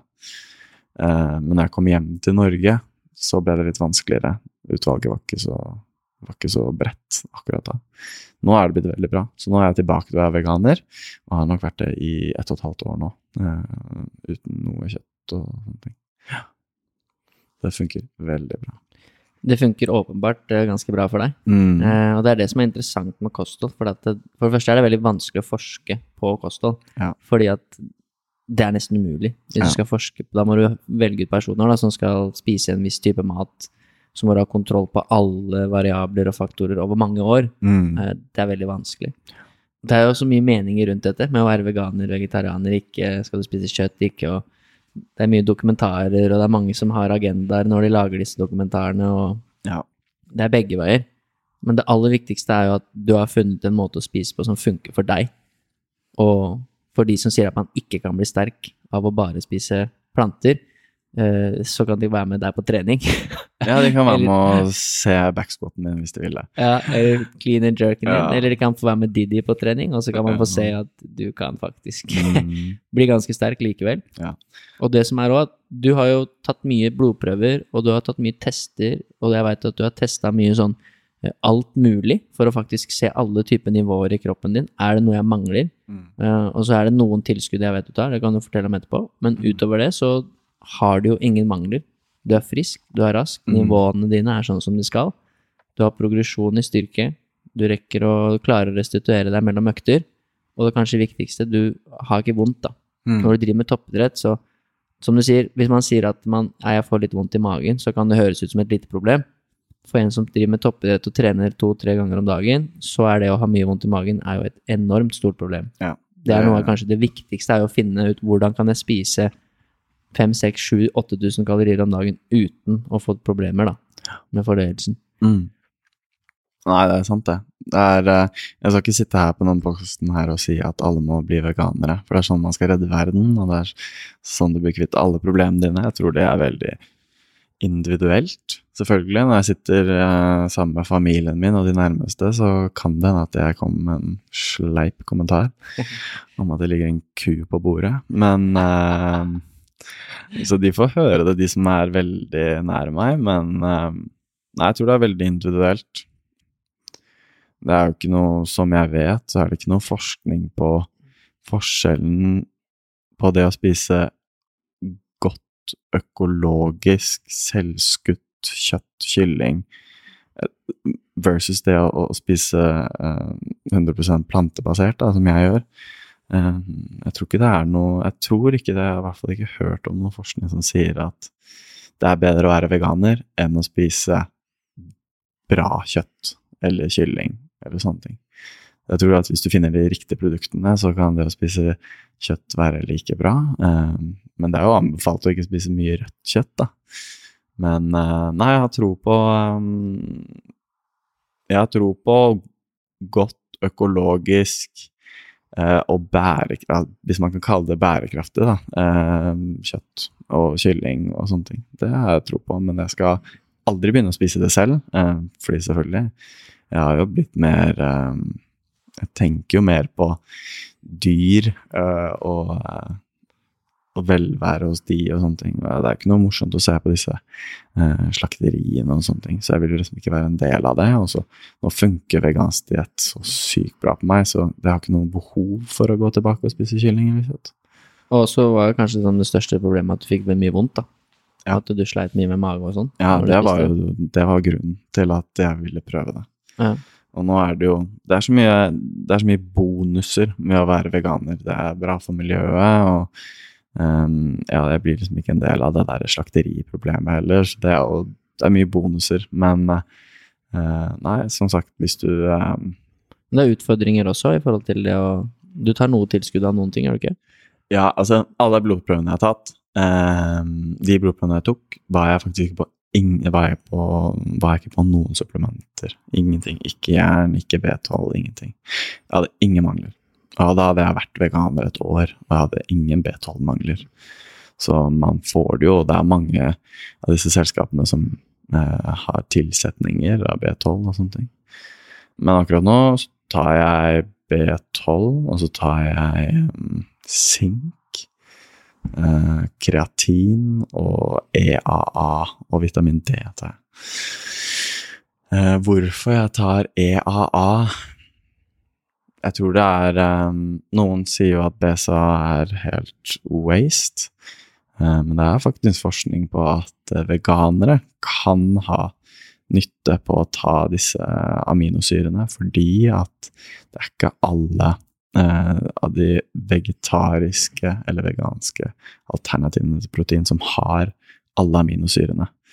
Uh, så da får jeg dekket det behovet, og jeg tenker at når man er toppidrettsutøver, så ja, ta én ting for mye enn én ting for lite. Det skader meg jo ikke, på en måte. Nei, det er i hvert fall det ingen forskning på som viser at det, skader deg heller å ta aminosyrer. Uh, og så er det, det er, som sagt, det er vanskelig å forske på de tingene her. Uh, da må du, du må ha kontroll på så mange variabler at det er nesten umulig da, å skulle finne en forskning at det er sånn det er. For sånn er det ikke med kosthold, at dette er bedre enn det. Så det aller viktigste er jo at du finner noe som funker for deg, og at du da ikke har mangler. Og det er du som går og tester deg såpass ofte med blodprøver sånn for å se at alt er i orden. Det å få beskjed om at her er alle nivåene riktig, vitamin B12, jern, alt mulig rart, så er det en god indikasjon, da. Og at du er frisk, du er rask, du presterer godt, du restituerer bra, du Mm. øker i både muskelmasse og styrke, så er det vanskelig å argumentere med at dette er ikke bra. Du Ja. må spise kjøtt. Mm. Eh, Det er jo vanskelig å skulle si det. Ja. Eh, For jeg har jo snakket med også ernæringsfysiologer, en venninne av meg som sa at hvis han hadde spist kjøtt, så hadde han blitt enda sterkere. Mm. Og da husker jeg du sa ja, men jeg hadde nok ikke det, fordi jeg hadde så mye vondt i magen at jeg hadde ikke klart å trene. Mm. Så jeg tror ikke jeg hadde blitt noe sterkere. Nei. Jeg Eh, tror det er Så det er mange ting som skal passe inn her, da. Selv er jeg jo Vi har snakket mye om det. Selv spiser jeg jo kjøtt, men jeg er jo veldig nøye på hvordan type kjøtt, da. mm. Jeg kjøper dyrere kylling fra lokale gårder fordi at de blir behandla bedre, og fordi at det er høyere kvalitet, og dyrere, da. Og spiser mest fisk og egg, ikke så mye rødt kjøtt. Så jeg tror også det er kvaliteten på de matvarene du velger å kjøpe, er også veldig viktig. Ja. Og mengden du velger å spise, da. Men uh, for å komme litt videre på det, da. Du er veganer. Hvor mange kalorier spiser du om dagen? For jeg veit det er en del. Eh, mellom 4500 og 5500 kalorier om dagen. Ja. Det er en syk jobb, For det, for er å si det lett. for det er ikke av og til, det er hver eneste dag så spiser du rundt 5000 kalorier. Oh yes. Ja. Og det er, eh, det er slitsomt. Ja. Det er, det er ikke noe godt. Det er ikke en eh, morsom del av det å være toppidrettsutøver. Fordi du skal helst ikke spise så veldig mye sånn uh, skitne kalorier, da, hvis man kan kalle det det. Um, så det meste skal jo være av bra, næringsrike måltider. Så det er slitsomt, og det er ofte jeg går og legger meg og er kvalm. Og det er fordi at jeg har spist for mye. Eller spist nok. Så eh, nei, det er også en sånn litt sånn nedside med å være toppidrettsutøver. Man må på en måte dytte i seg mat hele tiden. Ja. Og det er du flink på, da. Sånn som her, du har med deg et måltid bare for å overleve den podkasten her. Men hva er det du spiser da i løpet av en dag? Sånn, trenger ikke å si detalj, men sånn, hva er det det går i? Sånn ofte, da, som du spiser mye av for å få i deg alle disse kaloriene. For det er jo igjen også en utfordring når du er veganer, å få i seg nok kalorier også. ja. Nei, jeg tror jeg spiser mellom én til en og en halv kilo med peanøttsmør i uka. Du har en del peanøttsmør. Ja. Det er eh, Ja, det er bra. Det er peanøttsmør, det spiser jeg veldig, veldig mye av. Det er det ingen tvil om. Mye kalorier. Mye kalorier det. Nei, det er jo bare å spise veldig mye linser, mye ris, mye brød med peanøttsmør og syltetøy. Det er egentlig min go to. Ja. Hvis jeg er litt sulten, så er det peanøttsmør og syltetøy på en feit brødskive. Ja. Mm, ja, for du har jo, når du driver med crossfit, så trenger du mye karbohydrater. det. Ekstremt mye. Mm. Jeg husker vi var på Gol, som jeg sa, og Mm. så deg konkurrere i fjor. Og så den siste dagen, så var vi av en eller annen grunn skulle alle hjem, men jeg hadde rom til dagen etter, så det var bare du og jeg som var igjen. Han spiste middag, Mm. og det, det var noen runder hvor de spiste mye, for å si det sånn. Ja.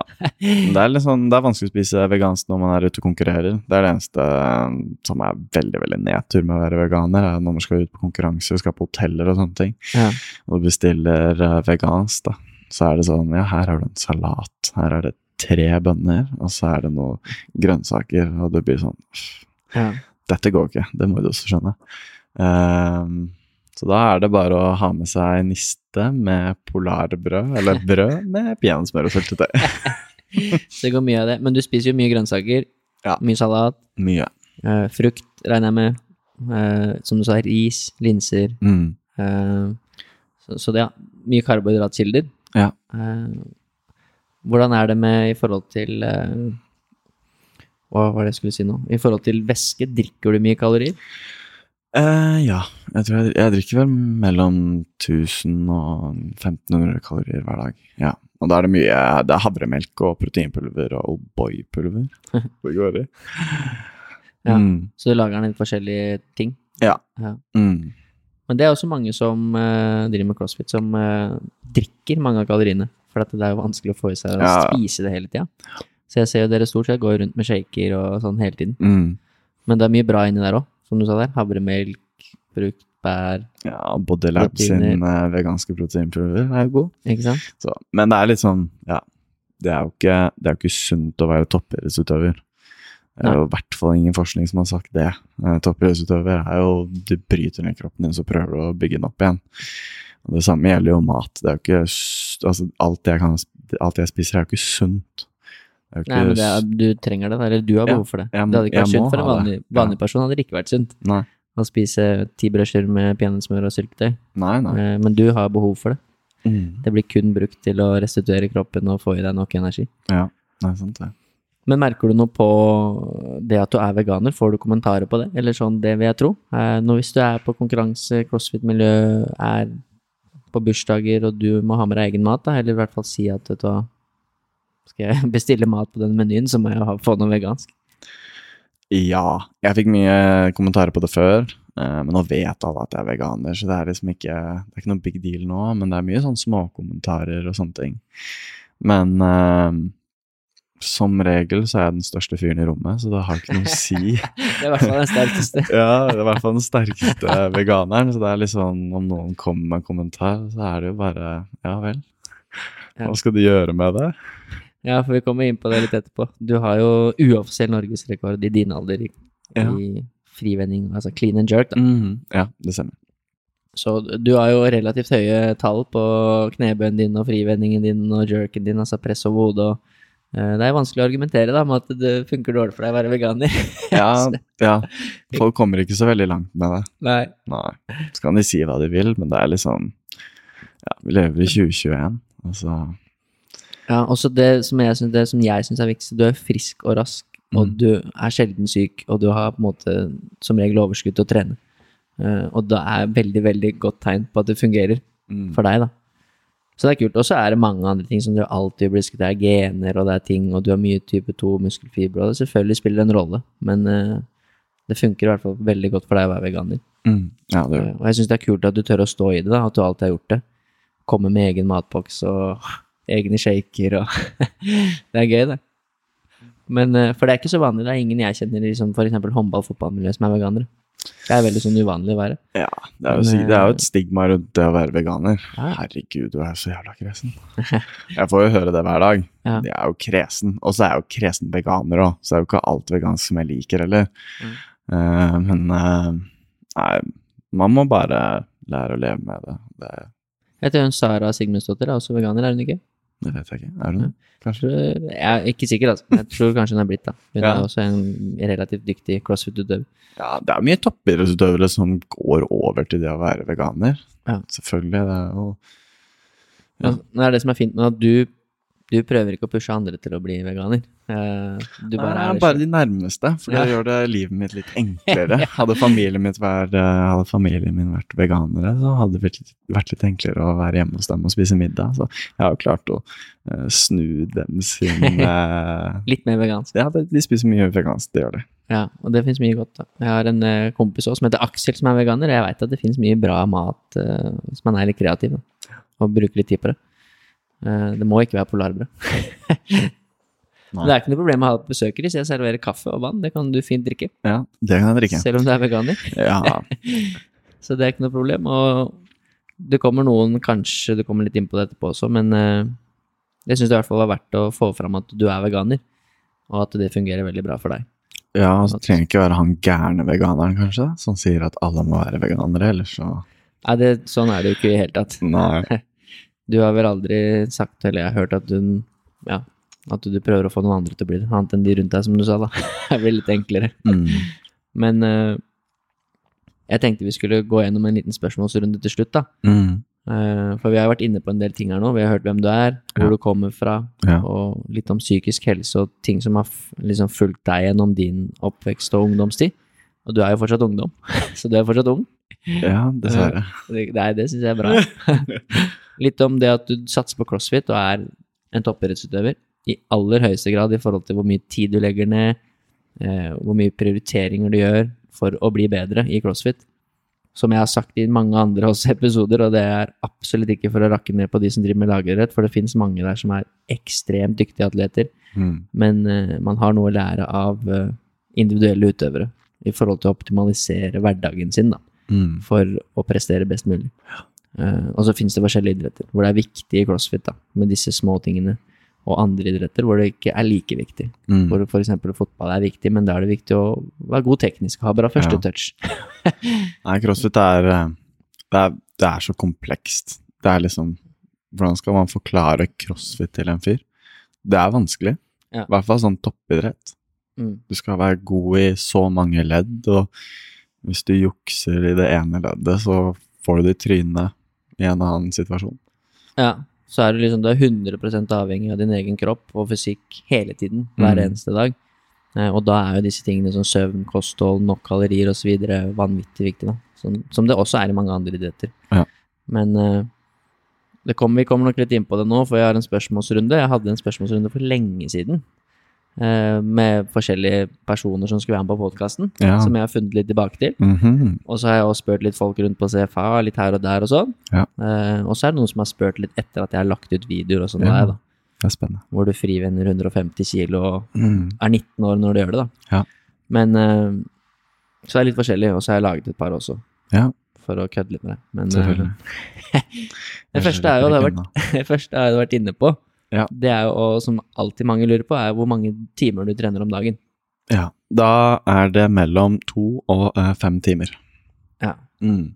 Og to er kanskje da på de dagene hvor du, hvor du har liksom nesten egentlig hviledag. To er de jeg har sånn active recovery, som Ja. vi kaller det. Ja, på torsdager. Som regel er det to timer, da. Ja, Ja, så når du egentlig har en fridag, da trener du to timer rolig. det stemmer. Det stemmer. ja. Så i dag er en sånn dag, for eksempel, hvor du skal ha en eh, løpetur, Uh, og that's it. Ja, det er jo egentlig for å deloade 17. mai, da. Ja, sånn at jeg kan eh, trene én økt på 17. mai istedenfor to. Ja, sånn at du bare får en to og en halv til tre timer Ja, økt i Ja, må morgen. ofre litt for familietid. Ja. Så heller du prioriterer familie. Du er flink til det, da. Det, det har vi ikke snakka om, men du er flink til å prioritere de rundt deg. Ja. Prøver. Eh, og så er det neste spørsmål, det er jo også alltid spennende å høre om, eh, hvor mange timer søvn du har, og liksom hvordan søvnhygienen din er. Mm. Eh, Ræva før.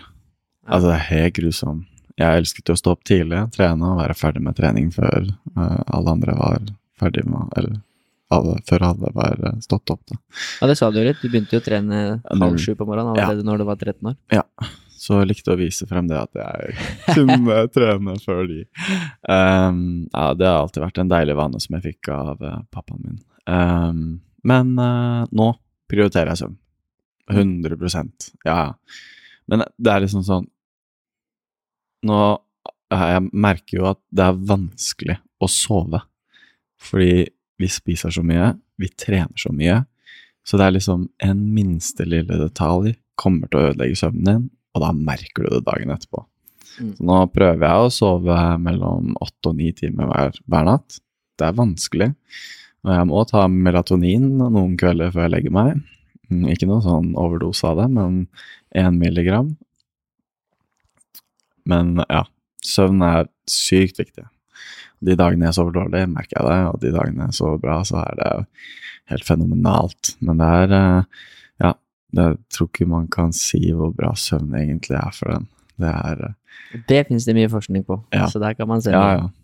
Uh, og det er liksom men det er, det er som du sier, jeg tror det er hovedårsaken til at jeg selv også sover dårlig. Nå er ikke jeg toppidrettsutøver, men hovedårsaken er nok at det er vanskelig Mm, å få nok søvn. det det. Spesielt i den verden vi lever i nå, hvor det er så mye som skjer hele tida. Mm, Og du har så mange ting du har lyst til å følge med på, da, så mange plattformer og sånn. Og ofte på kvelden du kanskje har muligheten til å drive med det. Ja. Eh, så det er jo en kjempetøff prioritering. Om faktisk nå skal jeg legge vekk telefon, PC, alt, og sove. Nei, Hver eneste dag. Mm. Nei, jeg har som eh, rutine nå å lade mobilen utenfor rommet. Den lader på stua. Ja. Og så har jeg alarm på en smarthøyttaler, og så har jeg en eh, Jeg har investert i en sånn liten eh, Philips Hue, som det heter. En liten lampe som simulerer solnedgang og okay. soloppgang. Så det kan anbefales til de som eh, sliter litt med søvn. Ja. Litt sånn lyskilde til oppvåkning og sovning. Ja, kult. Mm. Og at du ikke har telefonen din på rommet. Ja, det er um, Ikke noe elektronikk der inne. mm, Det er Ja. Det er revolusjonerende. Det hjalp meg veldig. Ja, ja, og det er jo de små tingene der som ofte er det folk anbefaler. Det er jo i utgangspunktet enkle ting. La telefonen ligge i stua, Mm. ha det mørkt på rommet, eh, og litt kjølig. Ja. Men det er vanskelig. For mange. herregud, så varm jeg er. Spiser 5000 kalorier og dytter i deg siste brødskive rett før du legger deg. Pusser tenner, og så sitter du bare sånn og svetter før du skal sovne. Ja, men det er Mm. kult at du ikke har Det syns jeg var en kul detalj, at du ikke har telefonen inne på rommet ditt, Mm. og at du også har investert i en sånn fancy lampe, da. Jeg har fått mye hat av familien min. Hver, hver, nesten hver helg så kommer jeg med en ny forskning. En, en podkast jeg har hørt noe nytt på, eller Ja, For du oppsøker litt sånn tips og sånn? Ja. Ja, det er mye rare tips. Eh, jeg får mye oppgitte blikk når jeg forteller om det til familien. Jeg sier at jeg kjøper bordlampe for å simulere solnedgang og oppgang. Ja. Det fikk jeg høre. Men så har du mer resultater enn de har på trening, så Ja, det er sant. Det er sant. Det er sant. det funker. Mm. Men det er jo det som jeg syns er fascinerende, med at de, de, dere som satser med Dere søker hele tiden etter hvordan kan jeg bli litt grann bedre. Mm. Bare noen prosent. Litt bedre søvn. Ok, jeg tar litt melatonin. Jeg legger telefonen min utafor. Jeg kjøper en lampe. Jeg gjør ditt og datt, ikke sant. For å finne ut hvordan kan jeg sove, restituere, prestere best mulig, da. Ja. Uh, og det er det som gjenspeiler en som, som ofte blir god.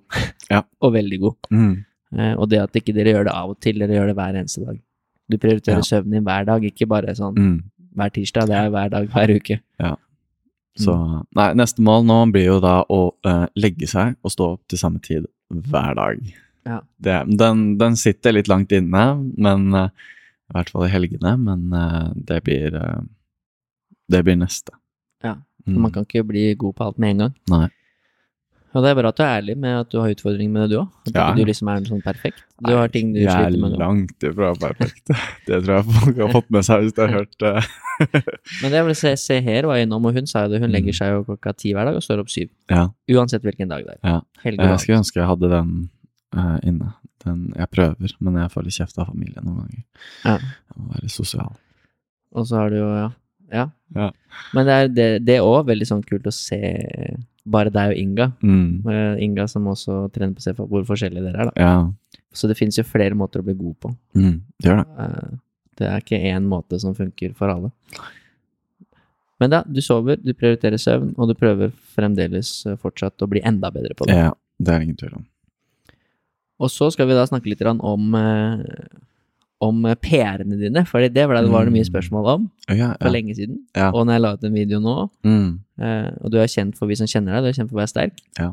Det Er det hva jeg tar i benk? Er det folk er interessert i? Nei, ikke benk. Du kan godt, fordi det er ikke så mye benk i CrossFit. Men du er sikkert Nei. brukbar på det òg. Eh, jeg tror jeg bare har gjort PR én gang i benk. Ja. Jeg hadde 100 da jeg var 16. Det er det eneste jeg har. Det er brukbart, det. Ja. Men la oss, for, for å starte med der du har uoffisiell norgesrekord, da, Ja. i U20, ja. det er clean and jerk. Det er da frivending pluss press over hodet. Stemmer.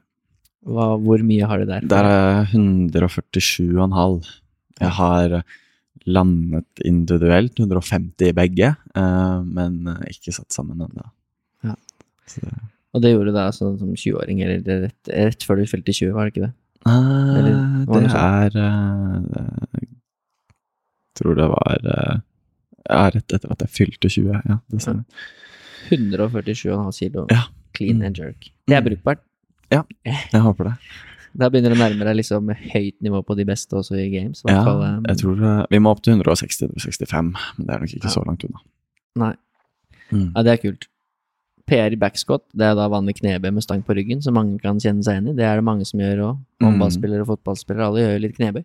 Ja. Men dere gjør da knebøy under 90 grader. I crossfit så er jo det standard, du må under parallell. Ja. Mm.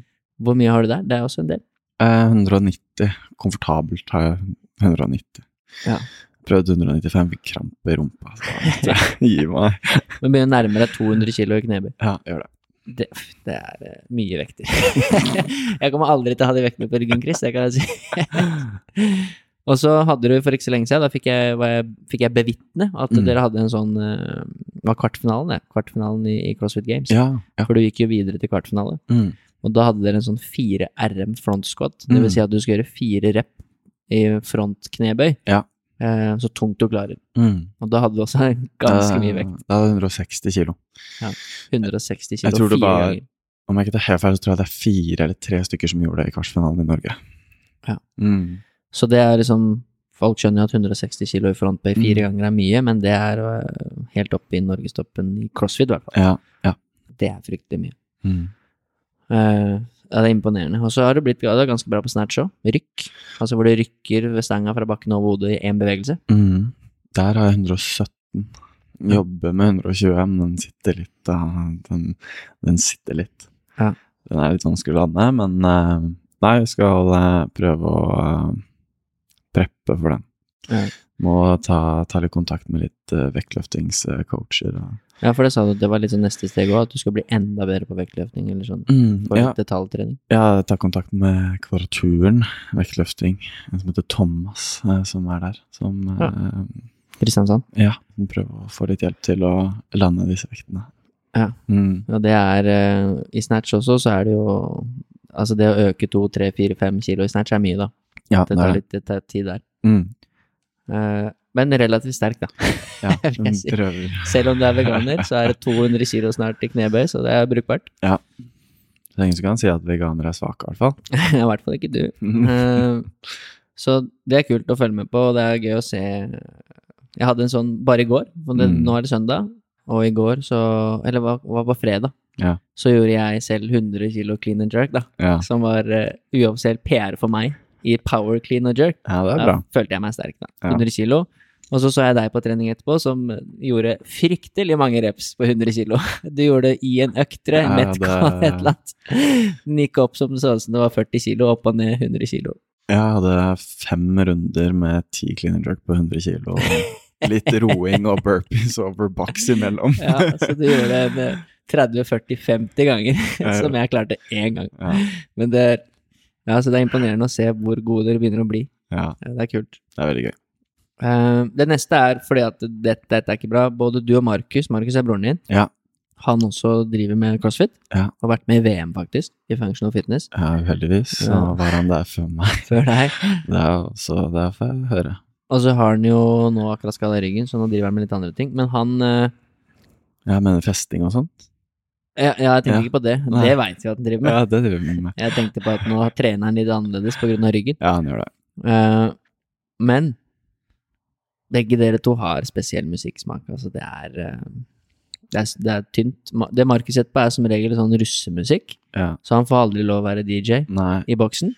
Og du har bedre, men det er noen ganger du får bestemme, så kommer det sånn country-opplegg. Sånn der, eh, Ja. Litt sånn rolig country mens du kjører Metcon så tung styrke. Ja. Det syns jeg er fascinerende. Nei, det er eh, Når man er i en boks to til fem timer hver dag og hører på musikk, så går man litt lei. Noen ganger hører man på podkast Ja. når du gjør woods. Ellers så kan du Coachella, høre på selvfølgelig. Ja, ja, ja selvfølgelig. um, og uh, det kan være alt fra Aurora til uh, Sticky Fingers uh, til country til hardrock. Ja, det er liksom Ja, for det var egentlig det spørsmålet, da, altså hva du hører på når du trener, da. Ja, hva jeg hører på alt. Ja, Alt. mulig. Uh, det er litt sånn perioder hvor jeg har dilla på ting, men uh, ja, det må ikke alltid være sånn veldig, veldig hardcore. Eh, Noen ganger så er det digg å bare trene til country. Ja. Det er kult. det. Vi har hatt noen økter sammen på, med countrymusikk. Ja, Eh, Justin Bieber. Det også funker. Justin Bieber funker alltid. Ja, ja. Det alltid. Mm. Uh, men jeg er enig i det du sier. For meg, da, som går på treningssenter ofte ti timer om dagen, Mm. så blir du gæren. Ja. Hvis det er sånn CrossFit Metcon-musikk hele dagen, da, som er mye dunk og sånn, så blir du gæren. ja, det blir gæren. Så du må ha litt uh, forandring. Mm. Så alt mulig rart der, da. Ja. Dette er morsomt, fordi på CFA så er det ikke lov å trene i baris. Nei. Men hvis du kan velge, Chris Ja. Baris eller ikke baris? Ah, ja. Nei når du trener. Baris. 100 Mest baris, ja. Ja, ja. Altså Det er raskt å ta den trøya når du er ute. Oh, yes. Det, så det får du ikke lov til, men du får lov under konkurranse. Så jeg husker du hadde sånn NM-simulering. Jeg hadde ikke lov. Jeg hadde ikke lov, men da gjorde du det. Jeg gjorde det. Uh, jeg fikk tyn for det. Det er det ingen tvil om. Nei. Men det var ganske gøy. Men, Men hva er greia med å trene i baris? For det er mange crossfit-utøvere som gjør det, og det er mye prat om det. Ja. Og så er det mange som har regler på at det ikke er lov og sånn. Mm. Men er det bare for at man vil vise Du har jo eh, åpenbart en veldig bra kropp, men Ja. er det andre grunner til at man velger å trene baris når man konkurrerer, da? Um, ja. Grunnen til at jeg tok av meg T-skjorta under den ene NM-simuleringen som vi hadde, det er at noen ganger så får du så uh, Du kan ha tatt på deg feil T-skjorte. Mm. Det kan være grunnen. At den er litt sånn trang i overarmene, og hvis du får pump da i armen, og du ikke får blodgjennomstrømningen, og det bare blir, sitter sånn stramt oppå deg eh, på armen, så er det bare Ja. Det blir sånn okulasjon Hva heter det? Okkulasjon, ja. Okkulasjon. Trening. ja. Eh, som, ikke, som man helst ikke skal ha en wood. Da. Eh, men eh, ja, det er Det er gøy å ta av seg T-skjorta, da. altså, jeg tror jeg bruker eh, Ja, jeg, det er sjelden jeg går med T-skjorte hjemme, så det er jo liksom Men jeg tror det, det er en greie. Det er en crossfit-greie, men uh, jeg går jo aldri med T-skjorte når jeg er hjemme. Og stakkars naboene mine som er ganske gamle, de må jo tro at jeg er klin gæren når jeg går ut i shorts uten T-skjorte, minus ti grader, og skal kaste med søppel. Ja. Så uh, Men i hvert fall så er det lov å trene uten T-skjorte på CFA ute. Ute Så det er en fin regel for deg. eh, Kan du ta den da? Ja, så jeg prøver, å trene mest mulig ute. Ja. ja, det er en greie. Så ja, det er kult.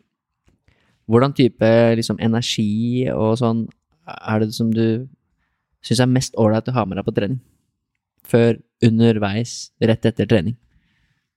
Og av mat. Ja, jeg vet ikke. Drikke, mat Det du pleier sånn, å spise rundt treninga di, da, sånn tett opp mot eller underveis. da. For du har jo mange lange økter, som du sa, Ja. som varer to-tre timer. Nei um, Før eh, dytt i seg så mye som mulig. Det er, det er et kjør med de matgreiene. Det er bare Altså, jeg kan trene en halvtime etter at jeg har spist 2000 kalorier, holdt jeg på å si, 1000 kalorier. Um, så det har ikke noe å si, for det, det fordøyes, eller holdt jeg på å si, det sitter bra i magen. Mm. Uh, så jeg kan trene med ganske mye mat i magen, det har ikke så veldig mye å si. Men sånn uh, Ja, det er jo alltid en hjelper å ha med en uh, energidrikk. Um, om det er Monster eller Red Bull eller eh, noe sånt, det er alltid digg. Eller så er det jo banan. En eh, ganske fin kilde. Ja, ganske basic. Mm. Men da er det, jeg skulle kødde litt med deg, for at du har jo alltid med deg enten en Red Bull eller en Monster. Ja. Mm. Jeg Det det. står alltid ved siden av barbellen din, en banan, og så er det en Red Bull eller en Monster. Ja. Det er fint, det. Du Ja. trenger de kaloriene ja, ja, er du gæren. og den energien. Mm. Uh, så det er fint. Vi har fått vite mye om deg i dag, da. Mm. Veldig mye om hvem du er, Ja. og om ting, personlige ting, Ja. som er veldig fint at du velger å dele, da. Mm. Det syns jeg er kult, uh, og veldig viktig at du gjør det. Uh, spesielt siden du er en stor og sterk kar, og tør å gjøre det, for da kanskje senker du terskelen for at andre tør å gjøre det samme, da. Mm. For at når du kan gjøre det, så, så Ja. er det greit. Mm. For du kan gråte, du, som du sa. Før Ja, jeg har grått mye. Ja. Ja. Eh, Det kan man gjøre selv om man gjør 200 kilo i knebøy. Eh, ja, det kan man. Og det siste spørsmålet, eller før du får et par avsluttende spørsmål, så, Mm. så er det litt i forhold til eh, andre som driver med toppidrett. Ja. Det trenger ikke være crossfit, da, Mm. men andre som, som virkelig har lyst til å bli god i idretten sin, Ja. og kanskje sånn som deg har lyst til å bli best, Ja. eh, så handler det litt om å da klare å forstå konsekvensen av det. Mm. Skal du bli best i crossfit, så krever det mye. Og du har vært inne på det med prioriteringer og valg, og at eh, det ikke nødvendigvis er så jævla gøy. Og du har holdt på med det her i åtte år, og du er fortsatt veldig langt unna å være den beste. Ja. Eh, men du gir deg jo ikke for det. Nei. Så hva er dine tips og tanker eh, til andre som, som eh, drømmer om å bli god eller best i idretten sin? Først så tror jeg det er veldig viktig å ta en samtale med seg selv, eller kanskje noen nære, og, men kanskje mest med seg selv. Ehm, hvor mye er du villig til å ofre? Er du villig til å ofre den vennegjengen for trening? Er du villig til å ikke være en del av de som er mest populære? Er du villig til å ikke dra på fest, og ikke ha noe å prate om på mandag? For du var ikke en del av den festen. Er du villig til å ta sånne harde prioriteringer? Jeg tror det er en veldig viktig samtale man må ha med seg selv. At man må være komfortabel med, spesielt i crossfit, da, som ikke er en, lagidrett, eh, komfortabel med å være mye alene. Mm. Trene alene, eh, gjøre ting alene, prioritere ting alene. Eh, men det, er- det, det, er- der kan du også Hvis du menger deg med de riktige folkene også, så vil du ikke føle deg alene. Så har man en gjeng, så går nok det veldig mye bedre, men eh, sånn som med de erfaringene jeg har hatt gjennom skole, det er ikke mange som satser. Kanskje det er lurt å dra til en skole som satser. Kanskje det er lurt å prøve å komme seg på NTG eller Vang. Der hvor det er mange som er i lik situasjon, som ikke drar ut i helgene og fester, men så har man kanskje et samlingspunkt på skolen. Eh, For hvis du er han ene, eller eh, ja, han ene i klassen som satser på idrett, og som ikke er med på festen, så kan det være ganske kjipt. Det er mye harde prioriteringer. Kommer ikke til å være langt opp på natt med sosiale medier, det går ikke. Kanskje i starten, men ikke når du skal begynne å finne disse 1 prosenterne på slutten. Så ja, så tipset er i hvert fall først å, å ja, virkelig dykke litt i seg sjøl. Ja. Om du har lyst til dette, og Ja. hvor lyst har du? Mm. Og skjønne at da må disse tingene prioriteres.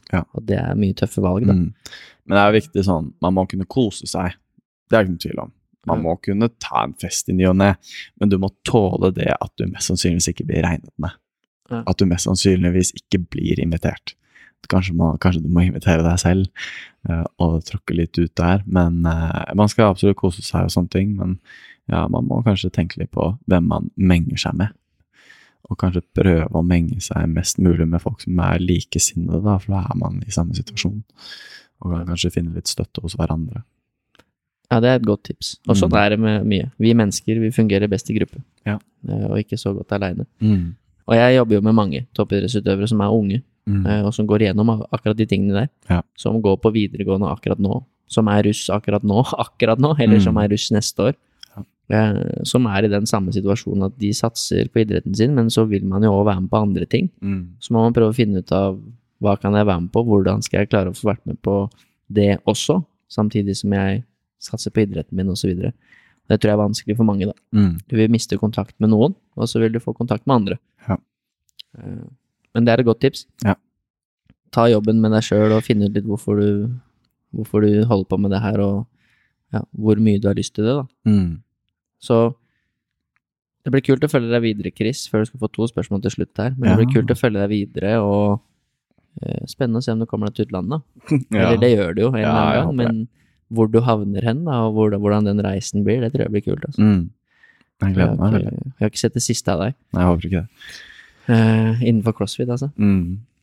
Men det er to spørsmål til slutt. Du har jo hørt noen episoder, Jeg har hørt noen episoder. så kanskje du har forberedt deg litt. Jeg vet ikke. Jeg, jeg tror jeg, jeg, gjorde- jeg gjorde det på fredag for å komme meg litt, men eh, nå, kan, nå kan at jeg glemte det litt. Men det første er, eh, det første er hva, hva du er mest stolt av i livet ditt akkurat nå, egentlig. Eh, det jeg er mest stolt av, er vel at jeg kan sitte her i dag og fortelle om alle problemene mine.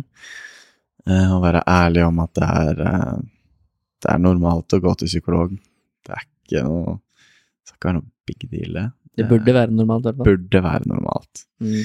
Og som vi snakket om før denne podkasten på fredag Nei, torsdag. Torsdag var det, ja. Eh, om at eh, Ja, du fikser ikke de mentale problemene selv. Det er sjeldent. Du må kunne oppsøke, oppsøke hjelp. Og det må være normalt å oppsøke hjelp. Du, sy- altså, Noen ganger kan man bli syk, men man må akseptere at man er syk, og at det går fint å være syk, fordi man kan bli frisk, og man blir mest sannsynligvis frisk. Men man må akseptere at det kanskje tar litt tid, og at det kanskje koster litt penger, men, men til syvende og sist så er det jo det er jo helsa di du snakker om. Da.